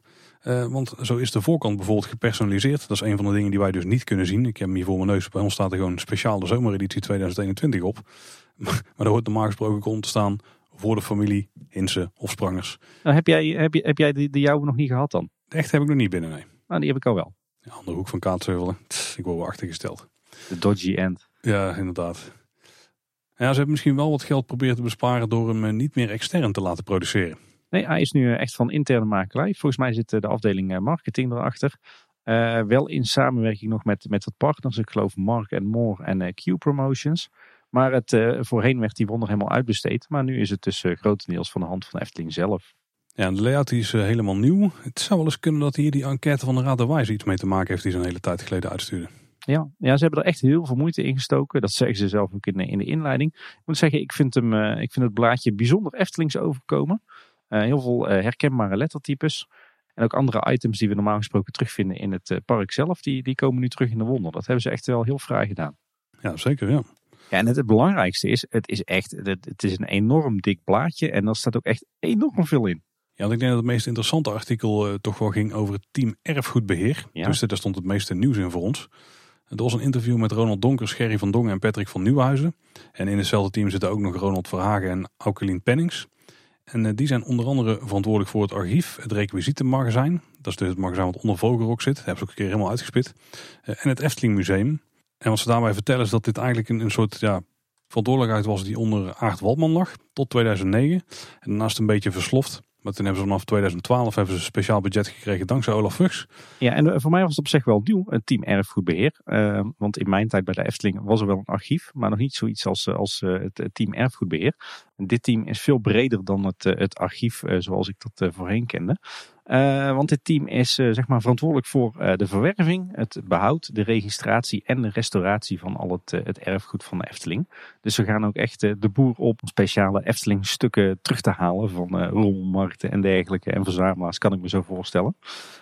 ze gaan trouwens niet alleen over die bijzondere objecten, maar ook gewoon over documenten, foto's, films, geluiden en tekeningen. Dus eigenlijk het, al het materiaal wat je in het, het Efteling archief verwacht. En het doel, naast natuurlijk het, eh, het bewaren en het behouden, is ook het eh, tentoonstellen. Nou bijvoorbeeld in het eh, Efteling Museum, maar ook in het Antropiek Museum. Maar ook het uitlenen en het, het hergebruiken van objecten. Wat best vaak blijkt te gebeuren. En alle objecten die worden gefotografeerd, genummerd en geregistreerd. Maar het team is wel heel kritisch, want niet alles hoeft bewaard te blijven. Dus ze, checken echt van, is het moeite om te bewaren? En als ze meerdere zaken hebben, van iets van hoeveel moeten we er dan bewaren?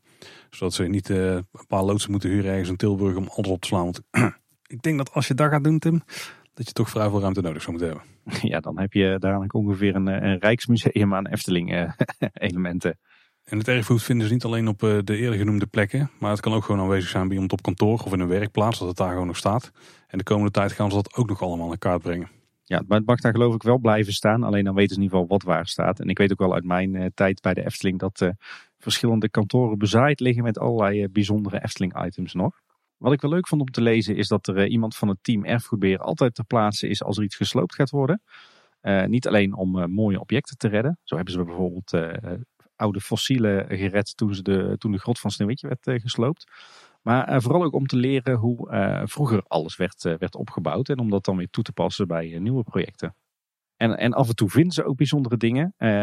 Uh, toen namelijk het, uh, het oude horecapunt in de Noordpool werd uh, gesloopt in het Sprookjesbos om plaats te maken voor Pinocchio. Toen vonden ze daar nog een, een oud 3D-wapen uit 1972, nog helemaal naar een ontwerp van Anton Pieck. En ze hebben zelfs een keer een heel bijzonder item gered, het Wellerhausorgel van de Fietsenmolen. De oplettende luisteraar die, die herkent dat waarschijnlijk wel uit ons, tweede deel van ons interview met, met Lex Lemmes. Een orgeltje uit 1903 uh, sinds 1979 in eigendom van de Efteling. Dat stond altijd uh, in een van de vergaderruimtes in het uh, café-restaurant in Panorama. maar een tijdje terug wilden ze dat veilen voor een goed doel. dat hebben ze uiteindelijk gelukkig tegen kunnen houden. Want dat ding bleek zelfs in, in slechte staat al 2,5 ton waard. Dus ook die is gewoon behouden gebleven voor de Efteling. Ja, waar we het eerder al over hadden, de Polka Marina walvis, die komt mogelijk niet bij Simbad. Ze zeggen dat ze op dit moment uh, er nog, ja, dat ze er wel iets mee willen gaan doen, maar ze weten nog niet wat. Ze zijn aan het zoeken naar een plek in het park. Uh, en hij past ook niet echt in de opslag. Dat kan ik me ook wel voorstellen, ja. Maar ze geven ook aan dat het bijvoorbeeld niet gepast is als speeltoestel. Want er is het gewoon ja, nooit voor gebouwd en dus ook niet veilig voor. Wat ik trouwens ook nog wel interessant vond om te, te lezen, is dat als er, als er bij de Efteling iets, iets verdwijnt of wordt gesloopt, en er is meer dan één exemplaar van, dan houden ze voortaan één exemplaar zelf. En de rest die wordt eh, vernietigd om eh, doorverkoop tegen te houden. Dat zag je vroeger natuurlijk nogal eens. Dat, eh, dat toch zaken dan bij mensen in de tuin belanden en uiteindelijk toch weer verkocht werden. Maar dat willen ze dus niet meer. Want de Efteling wil zelf bepalen waar iets staat. alhoewel er laatst wel een, een uitzondering voor is gemaakt. Ja, want toen Fonske 25 jaar in dienst was, toen heeft hij dus een van die bobslees gekregen en die staat daar in zijn achtertuin. Maar voor de, bijvoorbeeld de, de oude tuffers en de Polka Marina bootjes geldt dat die, dat die echt gewoon in de Efteling blijven. En wat, wat ze niet nodig hebben, dat wordt vernietigd. Wat ik trouwens ook nog wel opvallend vond, is dat Villa Padus heeft natuurlijk een, een aantal elementen in de achtertuin staan. Hè. Denk aan de olifant van het kinderbad en ook een bob. Die zijn dus niet van Villa Padus. Die blijven voor altijd eigendom van de Efteling. Alleen Villa Padus krijgt die uh, in bruikleen. En er zijn ook een hoop objecten en die krijgen uiteindelijk gewoon een nieuwe plek in het park. Dus bijvoorbeeld bij een nieuwe attractie, maar ook in het Witte Paard. Symbolica en Baron 1898 zijn bijvoorbeeld plekken waar oude, bijvoorbeeld bij Baron 1898 volgens mij een oude lasmachine, die hebben ze daar geplaatst. Waar, die, waar dus oude voorwerpen een nieuwe toekomst krijgen ja, ja, bij het Witte Paard moet je natuurlijk denken aan uh, de, de kandelaars en de kroonluchters. Uh, die echt nog afkomstig zijn uit het, het Witte Paard. zoals dat in 1975 is gebouwd. En wat me opviel bij Symbolica is dat de, de kolommen in de, de troonzaal. Zeg maar de zaal op het einde bij Koning Pardulfus. Die blijken ook uit, het, uit het requisietenmagazijn van de Efteling te komen. Het zijn dus niet alleen zaken in het eigen park waar die voorwerpen worden gebruikt. Ze worden soms ook uitgeleend voor tv-opnames. Of dus toch weer om ze in kantoren te zetten om die aan te kleden. Of bij evenementen binnen de Efteling. Ja, ja dat, dat gebeurde vroeger in, eh, in onze tijd heel vaak. Uh, je had inderdaad het requisietenmagazijn bij Vogelrok. Daar stonden diezelfde spullen in. Alleen die werden toen echt gebruikt als, uh, als decor-item. zeg maar als aankleding van een buffet. Alleen ja, daar werd toen echt totaal niet respectvol mee omgegaan. Er werd gegooid en gesmeten met die dingen. En uh, ja, nu is daar tussen toch blijkbaar een kentering ingekomen. En uh, zorgen ze een stuk beter voor al die, uh, die mooie beeldjes bijvoorbeeld. Wat natuurlijk wel het geval is, als je op wat oude plekken gaat lopen rondneuzen, dan kan het natuurlijk zijn dat je daar voorwerpen tegenkomt waarvan je echt geen idee hebt überhaupt wat het is. Of waar ze ooit voor zijn gebruikt of hoe bijzonder ze zijn. En wat ze dan dus doen, is dat ze hulp inroepen van oud-medewerkers. En die mensen komen dan dus naar het park om te gaan kijken van, oh, wat was het ook alweer? En misschien zit er nog een mooi verhaal bij. En als er een mooi verhaal bij zit, dan gaan ze dat verhaal dus ook vastleggen. Um, en dan weten ze dus of dat de spullen bewaard moeten zijn, wat de oorsprong van iets is, wat het hele verhaal dus achter is. En daarbij kunnen ze denken aan oude computers, geluidsinstallaties, misschien dingen uit oude technische ruimtes. Blijkbaar zat er eentje bij de Indische waterlelies die echt helemaal vol stond met aansturing voor het Sprookjesbos. Maar dat is allemaal verkleind door de jaren, maar daar is het materiaal nooit weggehaald. Er stonden echt nog spullen uit de ja? Ja, jaren 50, kan natuurlijk niet, maar ja. in ieder geval hele oude spullen. Ja, wat, eh, wat ze niet bewaren, dat wordt dan bijvoorbeeld weer eh, verkocht voor het, eh, het goed doel. Uh, wat ik ook nog wel interessant vond om te lezen is de, dat, ze, dat ze ook uh, oude technieken bestuderen, zodat die uh, ook weer opnieuw kunnen worden gebruikt. ik denk dan zelf bijvoorbeeld aan de renovatie van de Vliegende Fakir, waarbij ze toch weer voor de oude techniek hebben gekozen. Maar zo werd nu ook duidelijk dat de animatronic van Elisa bij de Zes Zwanen, dat daar wederom gebruik wordt gemaakt van het oude vertrouwde nokkenschijfsysteem. En dat vond ik toch wel bijzonder, want bij het nokkenschijfsysteem is het natuurlijk zo dat het in principe een, eh, een oneindige loop is. Want die nokken die draaien altijd rond, of die schijven draaien altijd rond. waardoor de, de, de er tegenaan lopen dus continu die beweging volgen. Dus ik denk dat ze daar misschien wel gebruik hebben gemaakt van twee nokkenschijven. Waarbij eentje onafhankelijk ingestart kan worden ten opzichte van de andere. Dus die af en toe ook stilstaat. Ja. Ik denk om een moment te creëren waarbij Elisa zo omhoog komt. En dat de breibeweging een standaard nok is, die, of nokkenschijf is die dus continu rondloopt. En dat er een andere is die ze echt getimed uh, gaat draaien. Ja, denk ik een mooi bewijs dat uh, het nokkenschijfsysteem uh, nog steeds hartstikke bruikbaar is in de wereld van nu. Hè? Ja, zeker. Ja. En wat, ik verder nog wat ik verder nog opvallend vond, is dat, dat bij de herbouw van het huisje van Roodkapje hebben ze weer die mooie porseleinen tegeltjes tegen de achterwand geplakt bij, bij de wolf.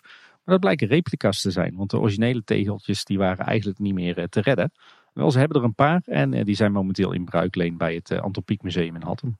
Ja, mochten er nou duur dingen in het park worden gedaan, dan worden die voortaan goed vastgelegd. Er worden een hoop foto's gemaakt, een hoop betrokkenen worden geïnterviewd. Ik denk dat hier ook de, bijvoorbeeld de Making of een goed voorbeeld van zijn. Ja. Dus ze, willen gewoon voor het nageslacht veel meer vastleggen, zodat ze dit probleem, wat ze dus een aantal jaar geleden nog hadden, dat ze in de toekomst niet meer gaan krijgen. Zou, zouden ze ook alle kleine boodschapafleveringen opslaan?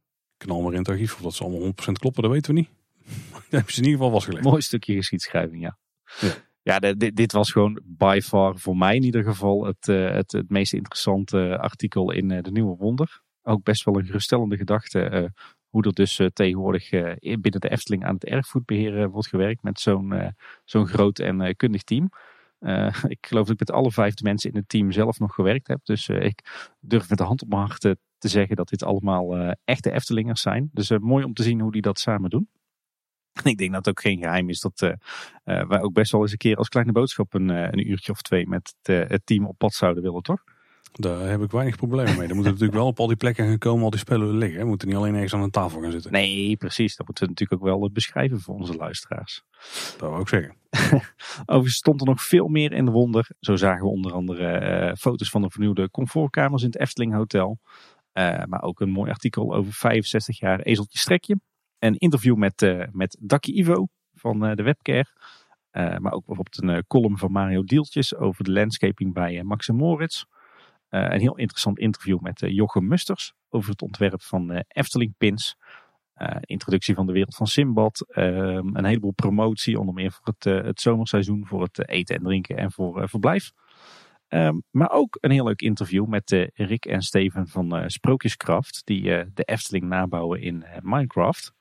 En zelfs nog een blokje kort nieuws met allemaal artikeltjes van de Efteling blog. Dus dat zat hartstikke leuk in elkaar. Je weet waar ze de inspiratie vandaan halen. Must read. Dus ik hoop dat al onze luisteraars op een of andere manier eh, toch een eh, wonder eh, hebben kunnen krijgen op de deurmat. En anders denk ik dat een aantal van de artikelen die erin staan op den duur gewoon op de blog verschijnen. Want dat is wat we in het verleden wel vaak hebben gezien. Ja. Tim, zullen we eens naar het coronablokje gaan, het coronacrisisblokje. Wat dit keer verrassend kort is. Ja, terwijl het toch enorm lijkt op te leven. Tenminste in de omgeving waar ik mij bevind.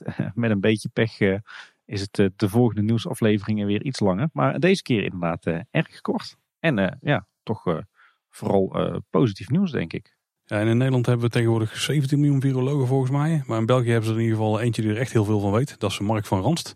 Die kwam even polshoog te nemen bij de Efteling. was een dagje uit met zijn familie daar. En die was verrassend positief. Die schreef erover dat het prima was georganiseerd. Zoals eigenlijk alles bij de Efteling.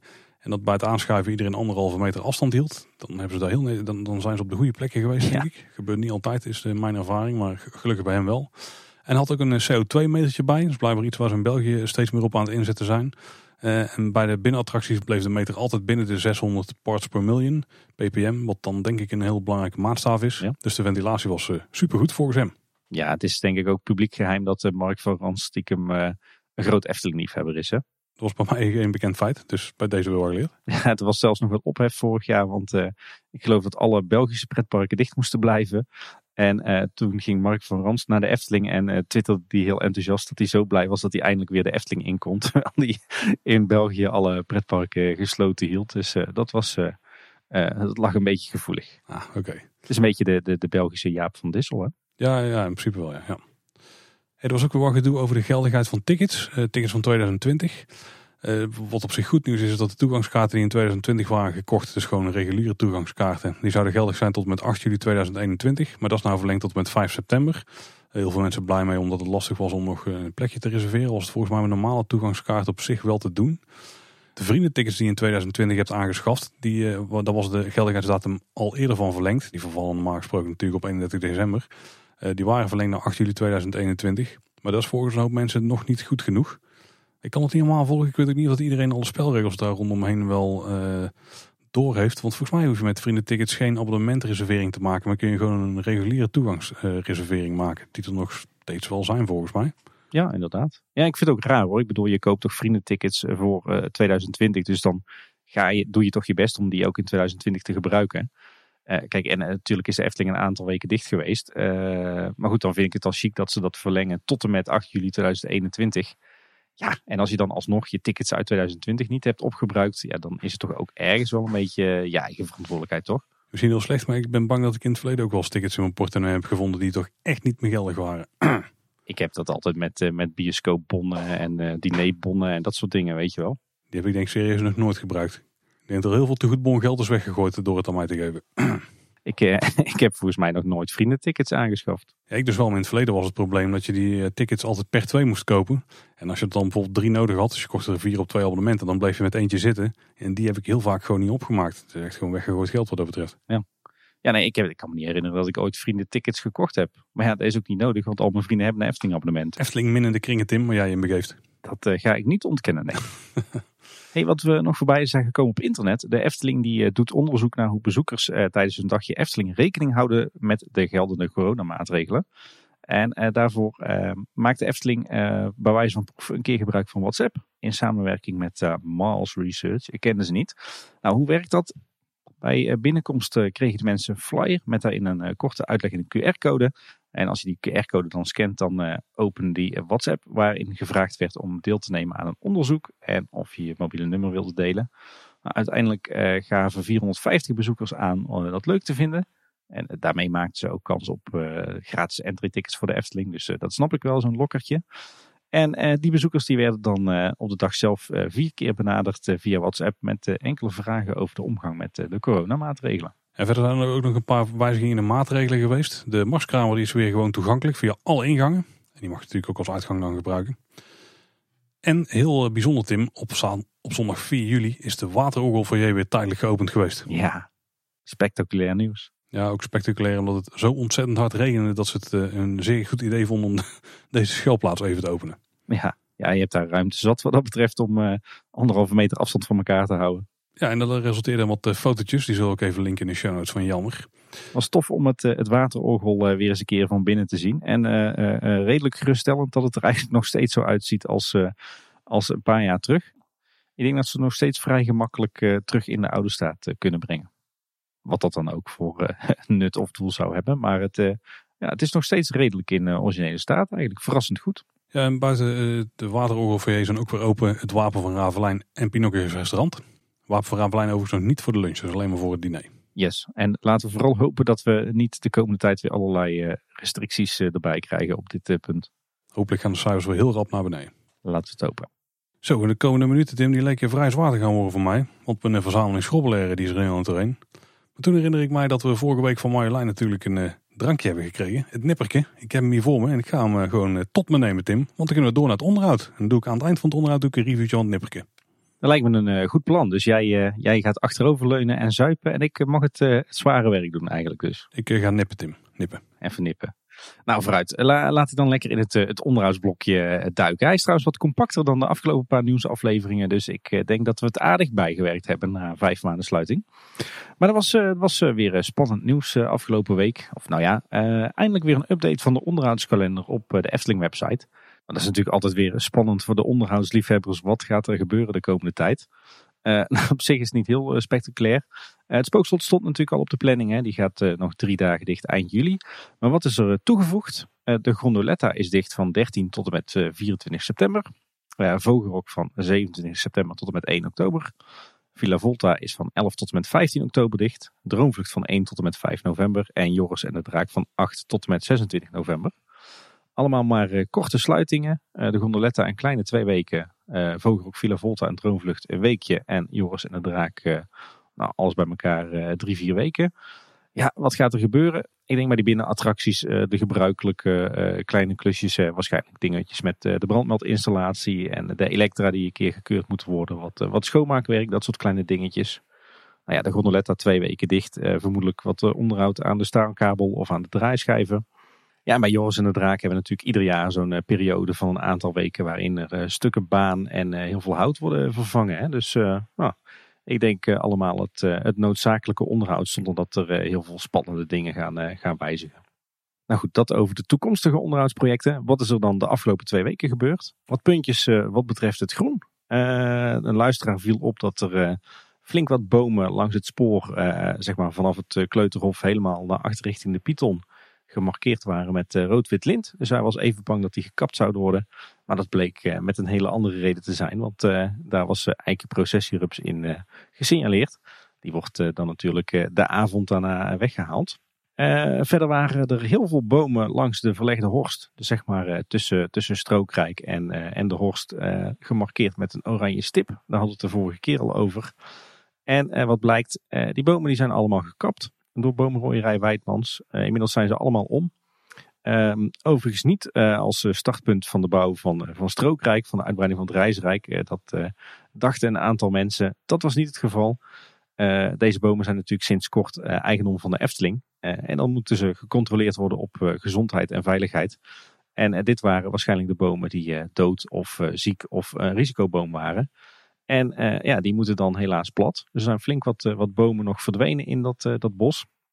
En de andere bomen die in de buurt van de wegen staan, die, die zijn allemaal gesnoeid. Dat geldt eigenlijk voor heel de wereld van de Efteling. Het lijkt erop dat ze dit jaar het, het onderhoud aan de bomen doen in de onderdelen van de wereld van de Efteling die niet tot het park behoren. zo werd er de afgelopen weken ook nog volop gesnoeid en gekapt in Bosrijk en ook in het, het Duits bosje. Het viel me op dat er stiekem heel wat bomen en boompjes verdwenen zijn rond dat, dat asfaltpaadje, wat zeg maar tussen de fietsstalling van de Efteling en het Loonse Land leidt. Daar is ook flink gekapt. En nog wat, wat kleine nieuwtjes wat betreft groen onderhoud.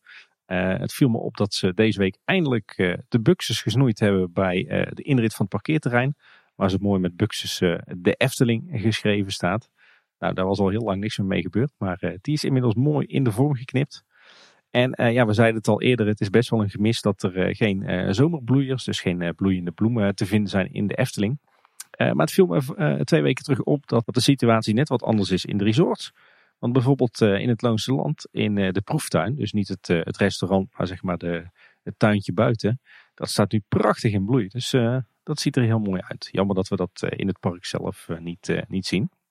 Nog een klein stukje follow-up. we hadden het de vorige keer over dat er een gloednieuwe wegwijzer is geplaatst in het, in het park. Mogelijk een voorteken dat een wegwijzering in algemene zin wordt, wordt aangepakt. Uh, we weten inmiddels ook waar die is geplaatst. Die staat namelijk op uh, de ijsplitsing tussen het pad van, uh, van Harthof naar het Anderrijk en de Spiegellaan. En de Spiegellaan is zeg maar het, het asfaltpad vanaf ja, de gondoletta ook richting het, richting het Anderrijk, richting de, de Piranha. Dus daar vinden we die nieuwe wegwijzer. Er is trouwens nog wel wat nieuws op dat gebied, want een luisteraar viel op dat, dat de laatste karakteristieke menuborden verdwijnen bij de horecapunten. Ik weet niet of je dan, uh, dan weet wat ik bedoel, Paul. Die borden die waren een jaar of tien geleden bij alle horecapunten te vinden. Mm dat was zo'n gedraaide houten paal, goud geschilderd. Met, met, met daarbovenop een soort menukaart. Met Pardoes die over een perkamentrol heen keek en zo'n bolletje met de Efteling E. En daar konden ze dan menukaartjes inschuiven. Die waren er nog een paar in het park. De meeste zijn de afgelopen jaren al, verdwenen. Maar de laatste paar die, die halen ze nu ook weg. En die zijn inmiddels natuurlijk op heel veel plekken ook al vervangen door andere mooi gethematiseerde borden. Nou, dan gaan we het park in. Er wordt flink gewerkt bij het Efteling Theater. Met name aan de Elektra. Mogelijk ook voorbereidingen op de Caro-shows die natuurlijk in september weer gaan draaien. Dan in de Fata Morgana. Er waren de afgelopen tijd wat, wat werkzaamheden aan de achterkant van het gebouw. Waarbij de roldeur de haven in open stond. Ik heb nog niet kunnen achterhalen wat daar precies is gebeurd. Wat kleine dingetjes in de attractie. De man met de krant bij de tandarts, die is weer terug op de markt. In de schatkamer bij Jin, daar stond een, ja, wat is het, een borstbeeld van Jin. Daar heeft ooit een keer iemand een speen ingestopt. Nou, die is inmiddels weg. En de kantopkamer, die functioneert de afgelopen tijd een beetje wisselvallig. Want de ene dag doet hij het wel en de andere dag weer niet. Dus daar zijn ze denk ik nog, nog aan aan het werk. Dan verder in het Anderrijk viel me nog op dat het, het mooie menubord van de burgerbakkerij omver is gereden. Daar resteert nog maar een klein stompje van. En er wordt nog steeds gewerkt aan onderhoud bij het spookslot. zo is vorige week het houten hekwerk zeg maar van het tuintje van het horecapunt de Witte Walvis opnieuw geschilderd. Dus mooi om te zien dat, dat ze daar ook nog steeds met onderhoud bezig zijn. In ieder geval nogmaals een teken aan de wand dat het spookslot echt niet gaat verdwijnen. En het viel nog een luisteraar op dat het naambord van de vlierenfluiter, het horecapunt tegenover de traptreintjes, is verwijderd. Wellicht voor een stukje schilderonderhoud, want volgens mij kon hij wel een schilderbeurtje gebruiken. Maar er waren ook luisteraars die zagen er misschien wat anders in. Want een making-of volgens mij van Max en Moritz. Toen zagen we Ruben Verheij zitten in zijn werkkamer. En daar zag je in de achtergrond zag je daar een klein tekeningetje hangen. En dat leek wel op een gebouwtje met de vorm van een vlierenfluiter, maar dan met een totaal andere aankleding. Een beetje, ja, een beetje passend bij het kinderspoor, met zo'n Zaanse schansuitstraling. Veel van die groene kleur ook die erbij horen. En misschien dat dat daar wel dus gaat gebeuren. Dat het de toekomstige uitstraling van het horecapuntje daar wordt. Ja, dus dat hij een, een heel nieuw voorgeveltje krijgt eigenlijk. Dat er iets meer vorm in komt? Ja, zou kunnen. Um, alhoewel, gezien de financiële situatie en dat ze toch nog steeds op de kosten proberen te letten, vraag ik me ook wel af of dit nou het juiste moment daarvoor is hoor. Nou, misschien de plannen zijn er, maar of dat ze op korte termijn gaan zien, dat is inderdaad nog. Uh, het zal wel meevallen, maar wie weet. Ja. Hey, verder naar het, uh, het Marenrijk, naar de stoomtrein. Uh, we zeiden het al eerder, het treintje rijdt weer. Um, eerder met, met de tender, dus zeg maar het, het bakkie met, met de kolen erin van uh, Aagje, de groene tender. Maar inmiddels heeft het treintje ook haar eigen bruin-rode tender terug. En daar kregen we heel veel filmpjes en foto's van opgestuurd van uh, allerhande luisteraars. Onder meer van Tessel. Dus dank daarvoor. verder waren er ook nog wat schilderwerkzaamheden in de wachtrij van Villa Volta. En in het Efteling Museum is gewerkt aan de Sprookjesquiz.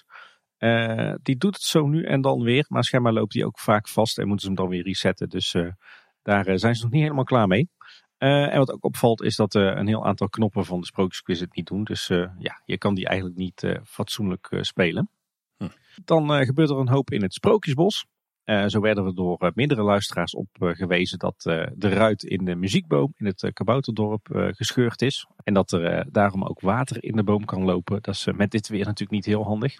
Verder was er bij Roodkapje sprake van vandalisme. want voor het sprookje stond zo'n zo'n sprookjesboek op een standaard. Nou, die is volgens mij met uh, grof geweld losgerukt. Uh, het sprookjesboek hebben ze even tijdelijk achter het, uh, het ruitje in het huisje gezet, zodat je hem toch kon lezen.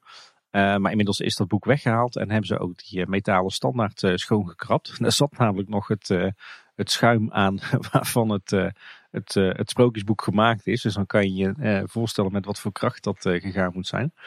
Maar die standaard die hebben ze inmiddels helemaal schoongekrapt of misschien zelfs wel vervangen door een ander exemplaar. Dus ik denk dat ze aan het eh, herstel van het, eh, het boek aan het werken zijn. Dan eh, naar Pinocchio. Daar is ook een flinke onderhoudsklus aan de gang. Want de monstervis die krijgt een beurt. een deel van het sprookje is afgezet met bouwhekken. En ze hebben met, met stijgers hebben ze een tent over de vis heen gebouwd. En een woordvoerder van de Efteling gaf aan Loopings aan dat de vis wordt schoongemaakt en bijgewerkt. Dat is op zich ook wel een goed plan, want het schilderwerk van de vis van Pinocchio die dat, was echt wel toe aan een onderhoudsbeurtje. Dus dus ik hoop eerlijk gezegd dat ze de vis helemaal eh, eh, een keertje opnieuw in de lak zetten. Daarover gesproken, vorige keer konden we natuurlijk melden dat eh, de herauten weer terug zijn en dat die allemaal prachtig geschilderd zijn. Ik zag trouwens ook hele mooie detailfoto's van de ogen van de herauten, die ook heel mooi, heel mooi zijn geschilderd. Maar inmiddels bewegen ze ook weer, dus ze doen het weer. Ja, en ik kan bevestigen dat het een heel mooi uitzicht is als je een zak popcorn moet leggen werken. en wel een goede plek gekozen om dan even te gaan zitten. En dan denk ik dat het, eh, het grootste onderhoudsproject momenteel eh, wel bij de Indische waterlelies plaatsvindt. Daar wordt natuurlijk gewerkt eh, in ieder geval aan de rotsconstructies. zo valt daarop dat ze een flinke staalconstructie hebben geplaatst op het dak boven de gaanderij. waar de rotsen terug moeten komen. Dat was voorheen een gemetseld muurtje, maar dat hebben ze gesloopt. Ja, het is eigenlijk een soort rek, lijkt het wel. Met daarin ook weer gaas. En volgens mij gaan ze aan dat gaas dan vervolgens weer het uh, betonijzer maken waarmee dat ze de rotsen vormen. Uh, en ik kan me voorstellen dat het net wat stabieler is dan zo'n uh, gemetseld muurtje wat op de dakrand staat. Dus dat is waarschijnlijk de reden waarom ze ook dat rotswerk moeten aanpakken. En de ingangstunnel, daar is al het rotswerk van afgesloopt.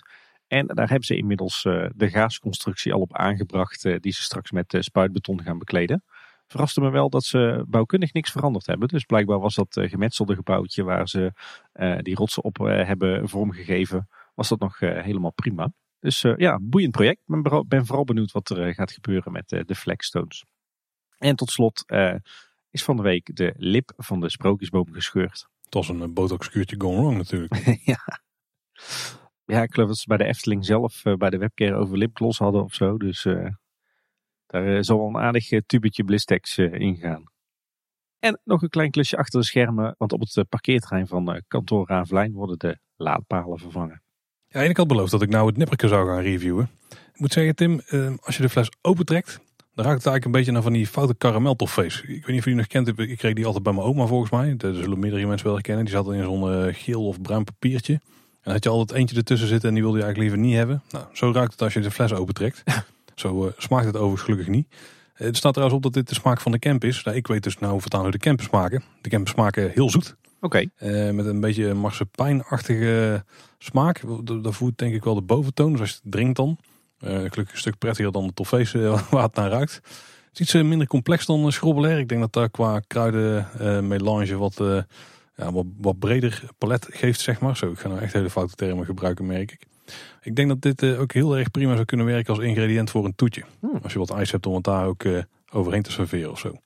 Smaakt, uh, smaakt goed, maar ik hou het ook bij schrobbelig. Kijk aan, je blijft trouw aan je merk. Ja, zeker, ja. Met goede reden in dit geval. Ik moet zeggen, mijn met witte chocola omhulde Oreo koekjes smaken ook prima. Proost Tim. Ik pak mijn glaasje cola erbij. Proost. En dan kunnen we door naar het kort nieuwsbal. Ja, een opzienbarend kort nieuwsfeitje. Eh, de Efteling gaat een uitgebreide samenwerking aan met Talpa Network. Ja, dit werd aangekondigd met een berichtje ja, met, met een vrij blije Koen Sanders. Uh, moeten we die, die, foto nog reviewen, Tim, of niet? Ja, hij had geen, uh, geen coltrui aan, hè? Hij had geen coltrui aan. Ze stonden volgens mij in het Loonse Land. Het, het liet ze heel trots zien wat ze hier allemaal gingen doen met wat de bobo's van beide partijen. De, het deed mij een beetje denken aan de sketch Lullo's van Jiske Vet. Ik weet niet of jij die ooit gekeken hebt. Ooit wel gekeken, ja. Daar deed het me een klein beetje aan denken. Nou, de eerste uiting hiervan eh, die is meteen al duidelijk geworden. Want Efteling gaat voor het eerst samenwerken met de vakantieveiling en actie van de dag. Er worden nu namelijk Efteling tickets geveld. En die kun je dan uh, kopen voor 29 euro per stuk. En er komt wel nog 5,50 euro administratiekosten bij. Maar die zijn voor, denk ik per bestelling. Want je koopt mm volgens mij twee tickets tegelijk. En uh, je, je krijgt dan uiteindelijk tickets die geldig zijn van 6 september tot en met 23 december dit jaar. Met uitzondering van de herfstvakantie voor alleen door de weekse dagen. In eerste instantie dacht ik van, oh jee, nog meer uh, kortingsacties, dat wordt weer één groot drama. Maar ik denk voor door de weekse dagen in die periode dat het eigenlijk best een uh, prima plek is om die actie te doen. Eigenlijk ga je gewoon tickets, goedkopere tickets verkopen. Ja. Misschien is het wel een kijkje in de toekomst. Ja. ja, 29 euro is wel weinig hè, voor een dagje Efteling. Ja, maar door de weekse dagje in het laagseizoen. Ja, ik weet dat er heel veel mensen met, met verstand van de vrije tijdsindustrie uh, dat hele kortingsbeleid maar niks vinden. Weet je, je merk in de uitverkoop zetten. En dit is natuurlijk ook alweer een stap in die richting. Dus uh, ja, ik, ik, kan, ik kan er zelf niet zo wakker van liggen. Ik vind het alleen maar fijn dat de Efteling eh, betaalbaar blijft voor iedereen. Maar uh, ik weet dat daar niet iedereen uh, zo over denkt in de sector. In dit geval kun je misschien zoals van scharen onder het diversificeren van je ticketprijzen. Ja. Want in principe komt het er wel op neer. Hè? Omdat het alleen maar voor een bepaalde periode is. Alleen maar op doordeweekse dagen. Ik bedoel, laten we eerlijk zijn, dit zijn de weken waarin de Efteling het rustigst is. Plus nog een paar maanden in het voorjaar. Maar wie weet wat we dan gaan zien. Had liever ook gehad als het niet hadden gedaan. Want ik ben het wel mee eens. De Efteling moet gewoon een bepaald bedrag uh, waard zijn. Maar ik, ik, ben wel voor dat ze inderdaad nog wat meer die, uh, diversificeren op die ticketprijzen. 29 euro is wel vrij weinig. Maar ik denk dat de range die ze nu hebben, die volgens mij effectief maar een euro of zes scheelt tussen het duurste en het de ja, goedkoopste ticket. Dat dat ook wel iets te krap is. Maar het is een begin. Ik ben ook benieuwd hoeveel tickets dat ze per dag veilen hoor. Want eh, de, als het er natuurlijk maar een paar zijn, dan, uh, dan heeft, heeft het ook weinig impact wat dat betreft op uh, de omzet en de bezoekersaantallen. Nee, dat is waar. Maar ik denk dat Efteling wel zoekt naar methodes om die door de weekse dagen in die periode wat uh, drukker te krijgen. Dit zou wel kunnen helpen. Ja, je moet nog steeds wel kunnen naar het park natuurlijk. Ja, ja terwijl de, de, de door de weekse dagen in het voorseizoen waren alles behalve rustig hè. Door momenteel, het maakt niet uit wanneer je naar de Efteling gaat, hoe hard het regent en wat voor dag van de week het ook is. Het park is toch sowieso uitverkocht. Ja, maar tegen die tijd dan is de capaciteit hopelijk weer wat hoger. Of in ieder geval vergelijkbaar met de zomer. Want dat was natuurlijk in het voorseizoen nu niet. En dan, uh, nou, dan is er hopelijk weer zat ruimte voor iedereen die wil komen. Er staat overigens wel iets tegenover dat de Efteling eh, die actie doet. Uh, er komt natuurlijk ook wat voor terug vanuit Talpa Network. want de Efteling krijgt meer zichtbaarheid op de andere mediakanalen van Talpa. Zoals SBS 6, Net 5, Radio 538, Radio 10, Veronica, Linda en Stuk TV. Mm. Ja, vooral die laatste, daar zijn wij helemaal kapot van. En het eerste waar we dit in gaan zien is dat in een nieuw seizoen van het knikkerprogramma Marble Mania. Dus waarbij ze van die knikkerbanen gaan, ja, die gaan maken. Ik omschrijf het nou, ik ken het alleen maar van de originele YouTube serie die nog uh, vrij grappig was. Maar volgens mij uh, gaat de tv-versie, uh, is die iets ver tv-showdiseerd. Is dat een term? Nou, ook weer bij deze. Ik snap wat je bedoelt. Maar die gaat in ieder geval deels in het teken van het attractiepark staan. Ja. Ben benieuwd. En ik geloof dat Talpa en Efteling ook onderzoeken of er ook een internationale doorvertaling mogelijk is. Want het schijnt dat Marble Mania ook al verkocht is aan België en Duitsland. Ja, ik denk op zich alleen maar goed als de Efteling meer op tv komt, toch? Efteling uh, leent zich denk ik uh, uitermate als decor voor tv-producties. En een programma als Marble Mania, of wat hadden we ervoor, die kersthuisjeshow bij Robert en Brink. Ja, dat zijn zulke onschuldige, feel-good programma's. Ja, dat, dat vindt iedereen leuk. Dus dat, dat doet de reputatie van de Efteling alleen maar goed. Ja, denk het ook, ja. Overigens had Koen Sanders nog wel een bijzondere uitspraak. Middels de mediakanalen van Talpa Network hopen we een nieuwe doelgroep te bereiken een nieuwe doelgroep. De Efteling is toch al voor het hele gezin, ja. voor iedereen. Ja, ik moest gelijk een klein beetje denken aan het feit dat SBS vroeger de campingzender werd genoemd. Maar Oeh. ik weet niet of dat de doelgroep is. Ja, misschien wel. Misschien is dit al een hindrichting in eh, camping van de Efteling zelf. Oeh, zou kunnen. maar hmm, ik weet niet wat hij daar precies mee bedoelt. Nee, interessante ontwikkeling. En ik denk dat we er de komende tijd wel eh, meer van gaan lezen en horen. Dan nog een stukje follow-up, eh, Paul, op iets waar we het heel lang geleden over hebben gehad. Ik weet niet of jij je nog kan herinneren uh, dat uh, uit onderzoek bleek dat uh, de inwoners van de gemeente Loon op Zand eigenlijk een heel slecht beeld hadden van hoe de Efteling als bedrijf in elkaar zat. ja, inderdaad. Toen zouden ze daar een informatieavond over gaan organiseren. Ja, inderdaad. om dus zeg maar de, de, financiële structuur van de Efteling uit te leggen. Hè, hoe dat zit met, met de Stichting Natuurpark de Efteling en waar het geld avond besteed. Nou, corona leek een heel eind voorbij. dus de informatieavond is ingepland. Die vindt plaats begin september. Ehm, en daarbij spreekt niet alleen Fons Jurgens als directievoorzitter, maar ook Gert Leers als voorzitter van Stichting Natuurpark de Efteling. Oké. Dus interessante avond lijkt mij. Ik werd er ook voor uitgenodigd. Maar de avond is precies tijdens het, het drukke avondprogramma met de kids. Dus ik ben bang dat ik helaas moet afhaken. De Efteling die staat ook op nummer 1 in de top 100 meest invloedrijke merken van Instagram van e-mails. Dat gaat over Nederlandse merken. Vorig jaar stonden ze nog op 2. Toen stond bol.com volgens mij op 1. Ja. En inmiddels de Efteling weer op nummer 1. Ja, van de week hadden ze schijnbaar ook een, een leuke post op Instagram. Een hele mooie dronevlucht door Bron 1898. Een beetje vergelijkbaar met de video's die we volgens mij als eerste zagen verschijnen uit Liseberg. Ja. Of uh, Liseberg. Berg, ik weet niet hoe het moet Liseberg, ja. Bergen, oké. Okay. Ja. Je hebt er wel, Paul. Ja, ik eh, doe mijn best. Heel goed. Maar uh, de link zetten we in de show notes, denk ik dan. Ja, zeker. En dan nog een ander wat meer treurig nieuwtje. Kees Kikstra, die wij recent spraken, oud hoofd marketing en PR van het park en ook directeur strategie en ontwikkelingen van de Efteling. Die is op 9 juli jongstleden overleden op een 69-jarige leeftijd. Uh, terug natuurlijk voor het gezin en de nabestaanden. Dus sterkte aan iedereen die Kees goed kent en heeft gekend. Ja, heel treurig. We hebben ook wel mensen inmiddels gesproken die, die onze aflevering nog eens hebben geluisterd. Die en Kees ook hebben gekend. En die hadden nog wat extra mooie verhalen over Kees. Iedereen die sprak eigenlijk vol lof over hem. Uh, ik ken ook wat van zijn gezinsleden, dus ook naar hem persoonlijk sterkte. En um, even nog resume. Kees was dus van 1984 tot 1988 werkzaam als hoofdmarketing en PR van het park. Toen is hij een aantal jaren bij andere bedrijven aan het werk geweest. En uiteindelijk kwam hij in 1999 weer terug. En toen is hij tot en met 2003 directeur strategie en ontwikkeling geweest. Ja, wil je een volledig inkijkje krijgen in wat Kees voor de Efteling heeft betekend, maar ook wat hij heeft gedaan op de andere plekken waar hij werkzaam is geweest, dan kun je ons interview met hem luisteren. Dat is aflevering 141. Ja, en dan weer uh, nieuws van hele andere orde. Want uh, nou ja, heel veel van onze luisteraars en mijzelf ook, uh, worden de afgelopen dagen gebombardeerd met berichtjes vanuit de Efteling-app. Ja, en ook heel specifiek over de Lavelaar monorail. Ja, inderdaad. De app die wil continu weten of we in de Lavelaar monorail zijn geweest en of we genegen zijn om daar wat vragen over te beantwoorden. We hebben even navraag gedaan eh, bij de Efteling. Maar we krijgen te horen dat uh, zij geen commentaar uh, kunnen geven. Het is in ieder geval geen bug in de app, wat ik zelf eerst dacht. Het is wel echt een, een bewuste actie. Maar we weten dus niet, niet waarom dat die vragenlijst telkens aan ons wordt aangeboden. Recent zijn natuurlijk alle slakken voorzien van nieuw schilderwerk. Dus het lijkt me niet dat, dat de monorail gaat verdwijnen. Dat lijkt me natuurlijk heel sterk. Dan nog een klein nieuwtje uit de Duinkoerier. Uh, want uh, vandaag was te lezen dat de Efteling een aanvraag heeft gedaan voor een omgevingsvergunning brandveilig gebruik van het Efteling Hotel. En vroeger heette dat een gebruiksvergunning. En ja, dat hangt natuurlijk samen met die verbouwing die dit voorjaar heeft plaatsgevonden. En dan nog iets meer info over die chocolademunten van de Efteling, die we de vorige nieuwsaflevering ook al hadden aangehaald. Aan de ene zijde daarvan daar staat het Huis van de Vijf Zintuigen. En aan de andere kant kun je het wapenschild van de Efteling vinden. En in een netje zitten 13 chocolademunten en daar betaal je dus 2 euro voor. Ja, dan zijn er nog steeds uh, volop vacatures uh, voor de Efteling. Ze zoeken nog steeds heel veel personeel, vooral natuurlijk in het park en op de resorts in de horeca. 19 vacatures momenteel. We gaan ze natuurlijk niet allemaal langslopen. Maar even wat, wat interessante vacatures. Ze zoeken nog een medewerker webcare. Ik denk om Ivo te vervangen. En er is ook nog een bijbaantje beschikbaar bij het Efteling Contact Center. En wat ik wel een, een ingewikkelde vond, maar ook wel boeiend, is dat ze een on-site marketeer zoeken. Ja, oké. Kan je niet veel meer helpen dan de beschrijving? Want een on-site marketeer is dus verantwoordelijk voor de uitvoering van commerciebrede projecten. Zo zijn we nou al kwijt. Waarbij de customer journey van de parkgast het uitgangspunt is. Je draagt bij aan een optimale besteding en beleving van de gast. Nou, denk dat de buzzword bingo al inmiddels hebben gewonnen. Ja. Als marketeer denk je proactief mee over de informatievoorziening en communicatie naar gasten in het park. Oké, dat is al iets concreter. Bijvoorbeeld bij aanpassingen in het aanbod, zoals nieuwe attracties of vervroegde toegang voor verblijfsgasten. En bij veranderingen in het beleid, zoals bijvoorbeeld het toegankelijkheids- of rookbeleid. Hmm. Interessant.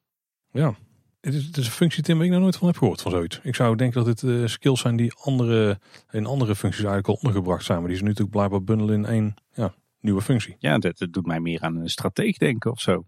Maar dit is dan toch meer vanuit de commerciële hoek uh, gedacht, denk ik. Ja.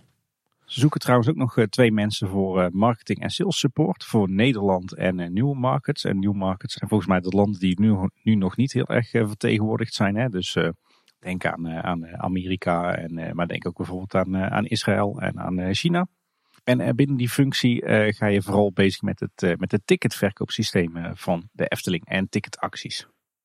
En ze zoeken ook nog een technisch functioneel applicatiespecialist, waarbij je vooral gaat bezighouden met de, de verkoopsystemen in het park. Dus mogelijk ook het, het online eten bestellen. Ieder jaar Tim op 7 juli dan is het dag van het sprookje. En ter ere van de dag van het sprookje kun je vier Efteling tickets winnen met de Efteling Sprookjesquiz. Dat is een actie die loopt nog tot 25 juli. Dus wil je die winnen, check dan het linkje in de show notes. Heeft volgens mij ook op het blog gestaan. Ja. En uh, wie weet vind jij vier Efteling tickets. Ja, ja voorheen uh, vierde de Efteling ook echt wel de dag van het sprookje. Het, het, ene jaar wat uh, uitbundiger dan het andere jaar. Maar ja, vanwege corona kunnen ze daar natuurlijk nu geen, geen evenement van maken. Er stond trouwens ook een leuk interview in het blad Greenkeeper met je raadt het al, de greenkeepers van Golfpark de Loonse Duinen. Voorheen het, eh, het Efteling Golfpark. Ook daar zullen we even een linkje naar plaatsen in de show notes. Wat interessante dingetjes. De greenkeepers zijn erg blij met de nieuwe exploitant, de, de HGE.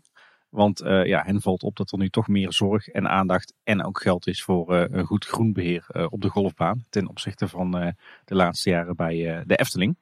Wat wel positief was om te lezen trouwens, is dat eh, de Efteling eh, in 2015 al de overstap heeft gemaakt naar het eh, chemievrij beheer van de, de golfbaan. Dus geen bestrijdingsmiddelen. En daarmee waren ze eigenlijk een van de eerste in de hele golfwereld. En verder las ik ook nog dat de golfbaan ook wel problemen heeft met de droogte en de hitte van de laatste jaren. Maar goed, dat geldt natuurlijk voor iedereen die groen beheert of die een tuintje heeft. En wat er verder opvalt in de laatste tijd is dat er bij Villa Padus dat daar zo'n heel ritje van die groene scooters voor de deur staan. Langs het parkeerterrein. Ja, van die eh, go-sharing eh, dingen toch? Ja, die zie ik tegenwoordig steeds meer rijden. Is dat dan een officiële stalling daarvan of zo? Of hoe zou dat zitten? Ja, dat moet haast wel. Want zo'n beetje iedere keer als ik daar langs fiets of langs rij, dan, uh, dan staan daar weer een aantal van die, van die scooters. Dat is toch een vrij bizarre plek? Ja. Of zou dat zijn voor Efteling-medewerkers die aan de achterkant het park in... Nee, want dan staan ze helemaal niet op een logische plek. Het, het heeft iets te maken met, denk ik, de, de, de gasten van Villa Produce of misschien de vrijwilligers. Ik denk toch de gasten. Alles wat daar komt is bestemmingsverkeer, zeg maar. Die parkeert de auto daar en dan was het. Die hoeven daar niet meer uit. Zou, zou het niet voor de mensen zijn die via de nieuwe ingang uh, bij de Python naar binnen gaan? Gewoon de medewerkers? Nee, want dan zou ik die eerder verwachten op het, uh, tijdelijke dienstparkeerterrein op de Oude Horst. Ja. Ik, ik denk echt dat het... Uh, voor de, de bezoekers van Villa Produce is. Dat die eh, ook een ritje op de scooter kunnen maken. Oké. De Efteling zelf is er gelukkig tot nu toe gevrijwaard van gebleven. het park zelf? Ja. Ja, dat de RWO's voortaan daar gaan racen. Lijkt me niet zo'n goed idee. En ook nog een tof projectje van een eh, fanatieke Efteling-fan. Patrick Pijnman uit uh, Ridderkerk. Die bouwde de Efteling na in zijn achtertuin. Voor zijn kinderen. Uh -huh. Dat zeggen wij ook altijd. Ja, precies. En het doet wel aan als een soort tweede mini-Efteling bijna. Hè. Het is heel gedetailleerd hoe hij alles heeft aangepakt. Ik heb ook al eens filmpjes gezien van eh, Patrick. Er zitten ook hele showtjes in. En uh, de heks die achter een deurtje verschijnt en zo en beweegt. Heel tof gedaan. Jij heeft in ieder geval wel de ambitie om een tweede mini-Efteling te worden. Nou, ik ben vrij gek. Maar ik denk dat dit eh, bij ons in de tuin toch niet gaat verschijnen. Er wel de ruimte voor. Ja, maar ik heb er niet de tijd voor om het te maken. Nee, dat is waar. Je zit nog met een of andere podcast. Ja, dat kost al vrij veel tijd. Weet je trouwens dat mijn kinderen de podcast de pottenkast noemen? Pottenkast? Pottenkast, ja. Die eh, denken dat de poppenkast is, maar dan met potten of zo. Ik weet, ik weet niet hoe ze het precies zien. Ik eh, vind het nog wel een, eh, een titel met potentie voor een ander soort onderwerp. Ah ja, voor groenliefhebbers. Ja. nieuws uit de periferie. Ja, want het is eindelijk zover Tim. We hebben het er volgens mij al 180 miljoen keer over gehad. Maar donderdag 8 juli is het officieel gebeurd. De F261 is geopend. Ja, en, en hoe? Want ze hadden er een enorme ceremonie voor bedacht. Uh, volgens mij uh, werd er in estafette een, uh, een fietstocht georganiseerd. Helemaal vanuit het beginpunt in Waalwijk naar het, de finish in Tilburg. Of andersom, het is maar net hoe je het, hoe je het wil zien. Een hele stoet van allerlei hoogwaardigheidsbekleders van de, van de provincie, van de, de gemeentes, de verschillende wethouders. volgens mij fietsen er ook nog een delegatie van de Efteling mee. En een heuse fietsfanfare. En volgens mij namen ze zelfs nog de grote letters en getallen F261 mee in schuim op de fiets. Dus dat was een heel, uh, een heel gedoe. De gemeente Loosstand heeft er trouwens een hele uitgebreide en best wel goed geproduceerde video van gemaakt. Uh, staat wel achter een verborgen linkje op eh, YouTube. Heel vreemd, want ze linkt er wel naar op Twitter. En daar doet uh, Koen Sanders van de Efteling ook een kort praatje. Hele leuke video. En we zullen hem even linken in onze show notes. Dan heb je geen last van het verborgen linkje. Ja, in 2019 werd de toeristenbelasting flink verhoogd hier in de gemeente. Maar die gaat voorlopig nog niet verlaagd worden. Want er is structureel nog onvoldoende financiële ruimte voor. Het was overigens voor 2019 al de hoogste van heel Brabant. Ja, is ook niet zo gek met de Efteling natuurlijk hier in de achtertuin. Dat de, de gemeente daar zijn slaatje uit wil slaan. Ja, maar goed, het betekent natuurlijk ook wel wat voor de kleine ondernemers. Hè, voor de mensen die een bed en breakfast hebben, of een klein pensionnetje of hotelletje. Die uh, betalen natuurlijk relatief heel veel. Ja, uiteindelijk wordt het direct doorberekend aan de mensen die langskomen. Dus die hebben daar misschien iets minder last van. Dat is natuurlijk iets wat je bij de Efteling niet ziet. Daar staat natuurlijk niet bij dat de toeristenbelasting op je ticket zoveel euro is. En blijkbaar in november dan is er al meer duidelijkheid dat die financiële ruimte er dus weer wel zou kunnen zijn. Ja, en waar we vanavond uh, uh, duidelijkheid over gaan krijgen is uh, over de toekomst van onze gemeente, gemeente Loon op Zand. Vanavond de besluitvormende raadsvergadering over het rapport van adviesbureau Berenschot over wat de toekomst van onze gemeente is. Blijven we zelfstandig of niet? Worden we opgesplitst? Gaan we meer samenwerken met andere gemeentes? Of gaan we alles, blijven we alles zelf doen? Daar wordt vanavond een besluit over genomen. Ja, mocht je daar nou net iets meer over willen weten, dan is het denk ik verstandig om de aflevering van volgende week maandag te luisteren. Ja, dan hebben we iemand eh, te gast die er eh, net even ietsje meer van weet. Inderdaad, die aflevering is wel eens opgenomen voor die uitspraak, dus daar moet je misschien wel rekening mee houden. Ja. Hey uh, Paul, ik zag nog iets anders interessants in de Duinkoerier. Want zo is nu ook de omgevingsvergunning aangevraagd voor het zonnepark aan de Heideweg. de zogeheten vloeivelden bij de afslag Loon op Zand van de N261. Uh, voorheen geregeld in beeld als uh, transferium voor de Efteling. Maar daar willen ze nu een, uh, een zonnepark aanleggen. En daar is inmiddels de uitgebreide omgevingsvergunning voor aangevraagd. En ook nog wel leuk, landschapspark Pauwels, daar hebben we het al vaker over gehad. Het nieuwe natuurgebied dat moet gaan komen tussen Tilburg Noord en ja, de Loonscentrumse Duinen. de Efteling maakt ook onderdeel uit van dat project. Gaat onder meer een recroduct aan, aanleggen onder of boven de N261. Maar er is nu een fietsroute gemaakt, de fietsroute Pauwels onderweg. Er zijn twee routes die voeren door het, het hele landschapspark. En dan kan je een, een, goede indruk krijgen van het, nieuwe natuurgebied, hoe het er nu uitziet en wat er in de toekomst gaat gebeuren. En een van die routes, de blauwe route, die komt ook uitgebreid door de wereld van Efteling. Dus mocht je van fietsen houden en je wil eens wat anders doen, dan ga naar onze show notes. Die vind je natuurlijk op kleineboodschap.com bij de aflevering. En daar staat ook de link naar de fietsroutes op de website van de gemeente Tilburg. Hey Tim, dan zijn we al aangekomen bij En dan nog dit. En de vorige keer toen wilde je heel fanatiek gaan praten over jouw ervaringen bij eh, Epic Escape. Daar had jij Illusion gespeeld. Ja. En dat mocht toen niet van mij, want ik had hem nog niet gespeeld. Ik uh, was er nog een paar dagen van verwijderd. Ik ben inmiddels langs geweest, joh. Zullen we eens even erover gaan hebben? Ja, ja want voor, we, voor ik jou ga vragen wat jij er nou van vond. Um, misschien even verduidelijken. Epic Escape is een escape room in Waalwijk van uh, Maurice en Roy. Maurice die kennen we van onder meer Team Talk, de collega podcast. En Roy hebben wij zelf eens de gast gehad in aflevering 3 van de buitenwereld. Die ging volledig over escape rooms. En Roy en Maurice die zijn compagnons. Hadden al een eigen escape room. Moet jij me even helpen Paul hoe dat die heette? Dat was Outbreak. Die had een, een zeer relevant thema de afgelopen anderhalf jaar. ja, iets met een uitbraak van een pandemie of zo. Hè? Ja. En eh, recent hebben zij een uh, nieuwe escape room geopend, waar ze volgens mij heel lang aan gewerkt hebben. En dat is de Escape Room Illusion. En ja, wij hebben die nu allebei los van elkaar gespeeld. Ja, is bij escape rooms natuurlijk altijd heel moeilijk om niks te verklappen. Maar wel op nog op een manier dan de, de goede of misschien minder goede eigenschappen van een kamer aan te prijzen. Ik denk dat het in dit geval wel, wel redelijk goed kan. Uh, ik heb vrij veel escape rooms gespeeld. Ik bedoel, absoluut niet zoveel als bijvoorbeeld uh, luisteraar Yves, een vriend van de show. Uh, want die heeft er volgens mij al richting de 200 gespeeld. die kun je ook natuurlijk horen in zijn eigen podcast Beyond the Game. Ik, ik was daar, wij hebben trouwens, de, de, de, wij hebben trouwens met, met Yves de escape room bezocht. Oh, dat klopt ja. ja, ja. Dus we hadden echt een kenner bij. Ja, wij met ons vaste escape room groepje. Maar ik denk wat Illusion heel goed doet, ook ten opzichte van andere kamers, is dat de meeste escape rooms die kiezen voor een thema. En het thema hier is, eh, is heel duidelijk. Het is ook niet echt een heel groot uh, geheim, denk ik. Want het gaat over een illusionist. Hè. De naam die geeft het al een beetje weg. De, dus een, optredende illusionist, dat is het thema van de kamer. Maar alles is daar ook echt aan vastgeknoopt. En alles daar houdt ook echt gewoon die lijn vast. Zeg maar. alles, alles wat je in die kamer ziet en doet en hoort, ondersteunt dat verhaal. En dat thema. En dat is niet wat altijd gebeurt. Je hebt soms ook wel eens dat je een, bepaald thema hebt, maar dat de puzzels gewoon ja, in ieder willekeurig andere uh, escape room hadden geplaatst kunnen worden. En dan ja, dan, dan had het hetzelfde effect gehad als in de kamer waar je ze dan in tegenkwam. Dat zie je echt niet, want alle puzzels die je speelt, die zijn allemaal in het thema. En die passen ook goed in de ruimte waar ze zijn. Uh, en sommige puzzels die, die vertellen ook echt het verhaal verder, zeg maar, wat je doorloopt. Want het is niet dat je gewoon een kamer ingaat, het verhaaltje vooraf en dan, dan, was het zeg maar. Nee, je wordt echt, je wordt echt meegenomen door een verhaal. en dan krijg je een stukje bij beetje, komt er ook steeds meer, wordt ook steeds meer duidelijk zeg maar, wat, er, wat het verhaal is. Want daarop hou ik nog niet te veel verklappen. Maar ik vind het dus echt heel tof dat echt alles gewoon klopt. En dan dus niet alleen dus nogmaals de puzzels die dus, dus heel goed matchen bij het thema. Maar ook het geluid zit heel goed in elkaar. Het licht zit heel goed in elkaar. De effecten die worden gebruikt die passen heel goed bij het thema. Ja, dit is gewoon echt, een, echt een hele goede escape room. Waarvoor je niet per se een beoefende escape room moet zijn, denk ik. Ik denk als je daar niet bent dat je hier ook nog steeds een hele toffe ervaring hebt. Echt voor iedereen die escape rooms ook maar een beetje interessant vindt, is dit gewoon een toffe ervaring. Ja, ik denk dat dit veel meer dan een escape room alleen is. Hè? Dus misschien gaat het nog wel meer om, om alles eromheen. Dan puur en alleen de escape game. Uh, ja, dat klopt zeker. Ik heb ook wel eens op momenten gewoon, ben ik even vergeten dat ik met een puzzel of zo bezig was. Dan stond ik gewoon rond te kijken wat er allemaal te zien was in, uh, in de kamer. Ja, echt, wij, wij hebben het wel eens over immersive theming, maar dat geldt zeker voor deze, deze escape room. Wat je al zei, het thema, het verhaal, de puzzels, dat zit zo goed in elkaar. Dat sluit zo goed op elkaar aan.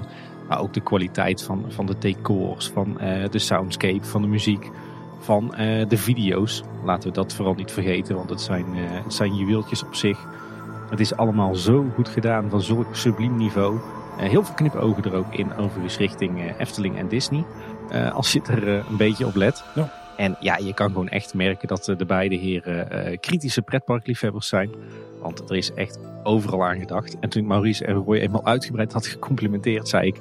Dit is eigenlijk, dat is nog niet eens Efteling niveau. Dit, want dat schiet soms wel eens alle kanten op. Dit is gewoon een escape room van Disney niveau eigenlijk. Ja, ik denk dat je dat best mag stellen, ja. Dus heb je wat met escape rooms, ga zeker naar Illusion. Maar ook als je niet veel met escape rooms hebt, maar je hebt wel wat met, uh, met de wereld van de, van de themaparken en de themabelevingen. Ja, dan, dan moet je dit gezien en gedaan hebben.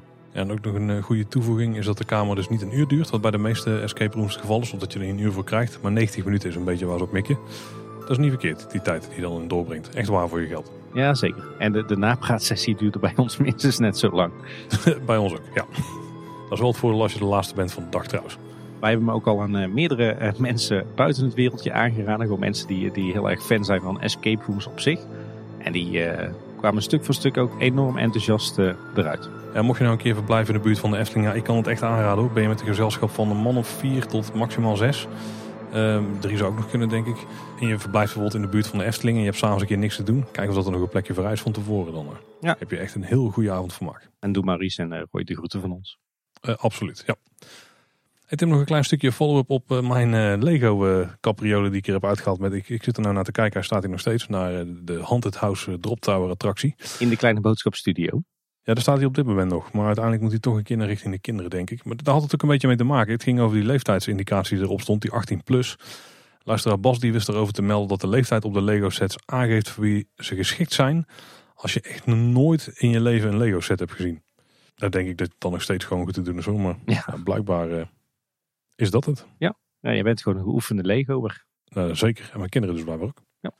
Nou, tof. Tim, jij nog spannende dingen meegemaakt? Nog uh, aan de touwtjes getrokken op de kermis bijvoorbeeld in Kaatsheuvel? Ja, zeker. Wij zijn uh, natuurlijk even een kijkje wezen nemen op uh, de kermis van Kaatsheuvel. Die kon gelukkig, van de Ketsheuvel, die kon gelukkig doorgaan. Dat is bij voor ons toch een thuiswedstrijd. Ja, kermissen zijn bij mij altijd wel een klein beetje een guilty pleasure. Dus het was tof om weer eens een keer over de kermis rond te struinen en uh, meesten te lauwen en is een attractietje te doen. Ja, waar zijn we verder nog geweest? We zijn weer eens naar het nieuwe Naturalis geweest. Was een easy score bij de kinderen, want die zijn momenteel helemaal fan van de dino's en dieren en, en vulkanen. Nou ja, dan kom je daar heel erg aan je trekken. Echt een prachtig museum. Een van mijn favorieten toch wel, naast het Spoorwegmuseum en het Openluchtmuseum zeker een aanrader als je, nou ook zonder kinderen, maar als je kinderen hebt die een beetje geïnteresseerd zijn in, in aardrijkskunde, dieren en dino's, dan, dan moet je er echt eens heen. Waar zijn we nog meer geweest? we zijn ook nog een keertje een dagje wezen zwemmen in het Sportion. Was voorheen een zwembad van Libema. met heel veel rotspartijen en tropische planten. Maar dat is nu van een andere eigenaar. En die hebben er een, het flink opgeschoond. Al het decor is weg en het is nu gewoon fris en kleurrijk. Dus dat was ook wel een andere ervaring. Ja, en het hoogtepunt van de afgelopen twee weken naast onze bezoekjes eh, aan de Efteling was toch wel iets heel bijzonders. Want wij hebben drie jaar nadat ik me ervoor heb opgegeven, hebben we eindelijk een dagje backstage gedaan in de Beekse Bergen. Oh, vet. Ja, dat is heel tof. Uh, wat doet de Beeksberg Safari Park? Je kan daar, uh, zij organiseren een paar keer per jaar. Um, ook alleen voor volwassenen. Nou ja, je hebt ze ook voor, voor gezinnen en kinderen apart. Maar uh, wij gingen voor de volwassen variant. Een paar keer per jaar kan je daar een dagje op pad met een van hun rangers. Met een klein clubje. Nou, dat is natuurlijk super uniek en exclusief. Dus die, die zitten ook zo vol. Vandaar dat ik drie jaar geleden al begonnen ben om dit te regelen. Uh, maar eindelijk was het dus zover. Uh, dus we zijn met een, een mannetje of 10, 15 de hele dag door de Beekse Bergen gaan wandelen. en eigenlijk ja, continu achter de schermen geweest. heel veel stallen van dieren bezocht. de werkplekken van de dierverzorgers. De opslagen van voer. we zijn de, de savanne opgereden met zo'n zo'n speciale game drive auto. Um, ontzettend veel geleerd over de dieren, over diergedrag, over fokprogramma's, over de EASA ja, echt gewoon een super vette blik achter de schermen gekregen bij het uh, Safari Park. Echt ontzettend uniek. Ja, en de dag die uh, werd toch wel een beetje gedragen door uh, Ranger Brent. Een van de jonge gasten van de afdeling educatie. Maar hij bleek ook een afgestudeerd bioloog. En ook echt een groot Beekse. Dus ik heb denk ik ongeveer 1001 vragen op die kerel afgevuurd de hele dag. En ik kreeg ze allemaal beantwoord met hetzelfde enthousiasme. Dus ja, mijn uh, dierentuinliefhebbershart uh, ging hier heel hard van, uh, van kloppen. Echt een, een hele aparte, toffe ervaring. Dat was echt wel een van de tofste dingen die ik ooit gedaan heb in dierentuinen. Vet. Ja, klinkt goed. Nou, en komend weekend zitten wij, als het goed is, op de Toverland Camping. hey, mooi. Nou, wil ik graag horen wat jij ervan vond. Ik kijk er heel erg naar uit. Hopelijk is het weer beter dan dat afgelopen week is geweest. Dat, uh, dat zou fijn zijn, ja. En er moet ook nog wat testjes negatief uitvallen. En uh, dan kunnen we naar Zevenum. Nou, tot slot nog wat, uh, wat tips voor de verandering eens een keer twee Twitter-accounts. Um, heb je nou net als ik echt wat met architectuur? Ehm, dan moet je zeker het Twitter-account van Eugène Franke volgen. Volgens mij is hij zelf ook een architect. Maar wat hij doet is dat hij vooral moderne architectuur in het zonnetje zet. Architectuur, bouwkunde en stedenbouw. En dat doet hij eigenlijk met heel weinig woorden, maar vooral met heel veel mooie foto's. Uh, echt heel tof als je, ja, als je dus geïnteresseerd bent in moderne architectuur. En een tweede Twitter-account. Uh, nou ja, Paul, volgens mij spam ik jou daar uh, als een van mijn volgers iedere dag mee. En dat heeft ook wat met architectuur te maken, maar dan meer met de oude architectuur. Dat is het, het account Nouveau Deco. En ja, je raadt het al, dat gaat over de Jugendstil, over de Art Nouveau en Art Deco.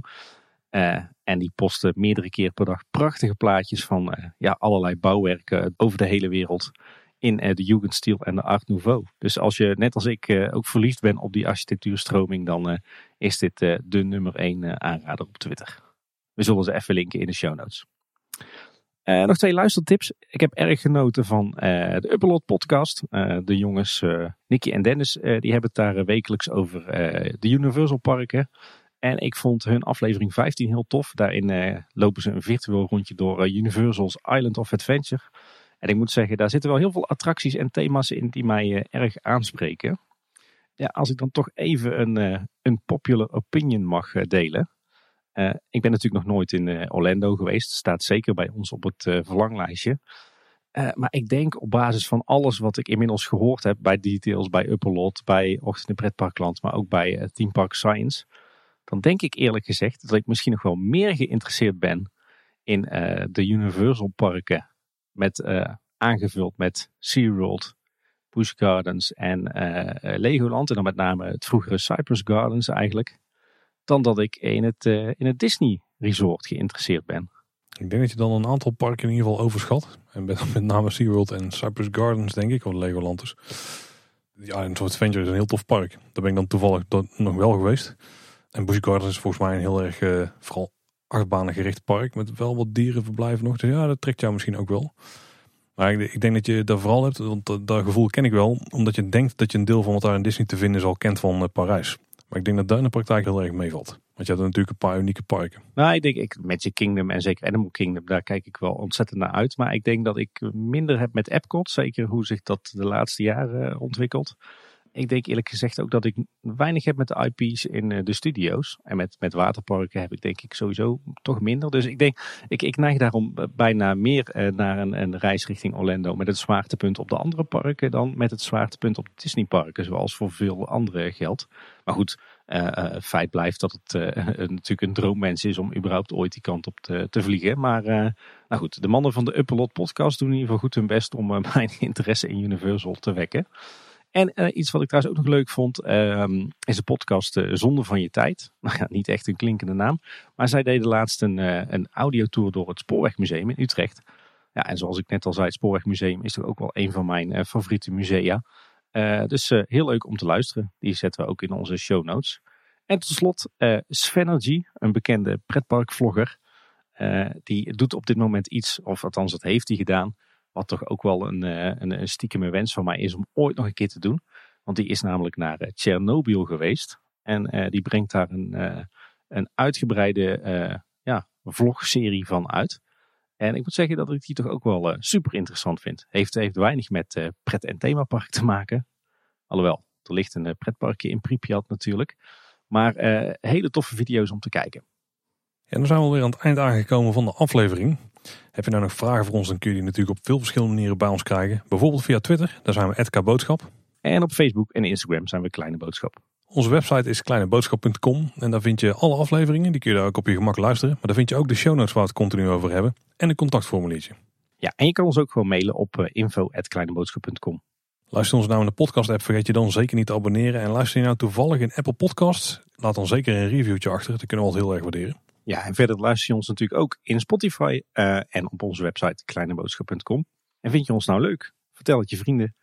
Vind je ons niet leuk? Vertel het ons, om maar de gevleugelde woorden van onze podcastvriend en gewone vriend Mark Dekkers te hergebruiken. Ja, wel een goeie. Dat was in ieder geval weer voor deze week. Bedankt voor het luisteren. Tot de volgende keer en houdoe. Houdoe waar.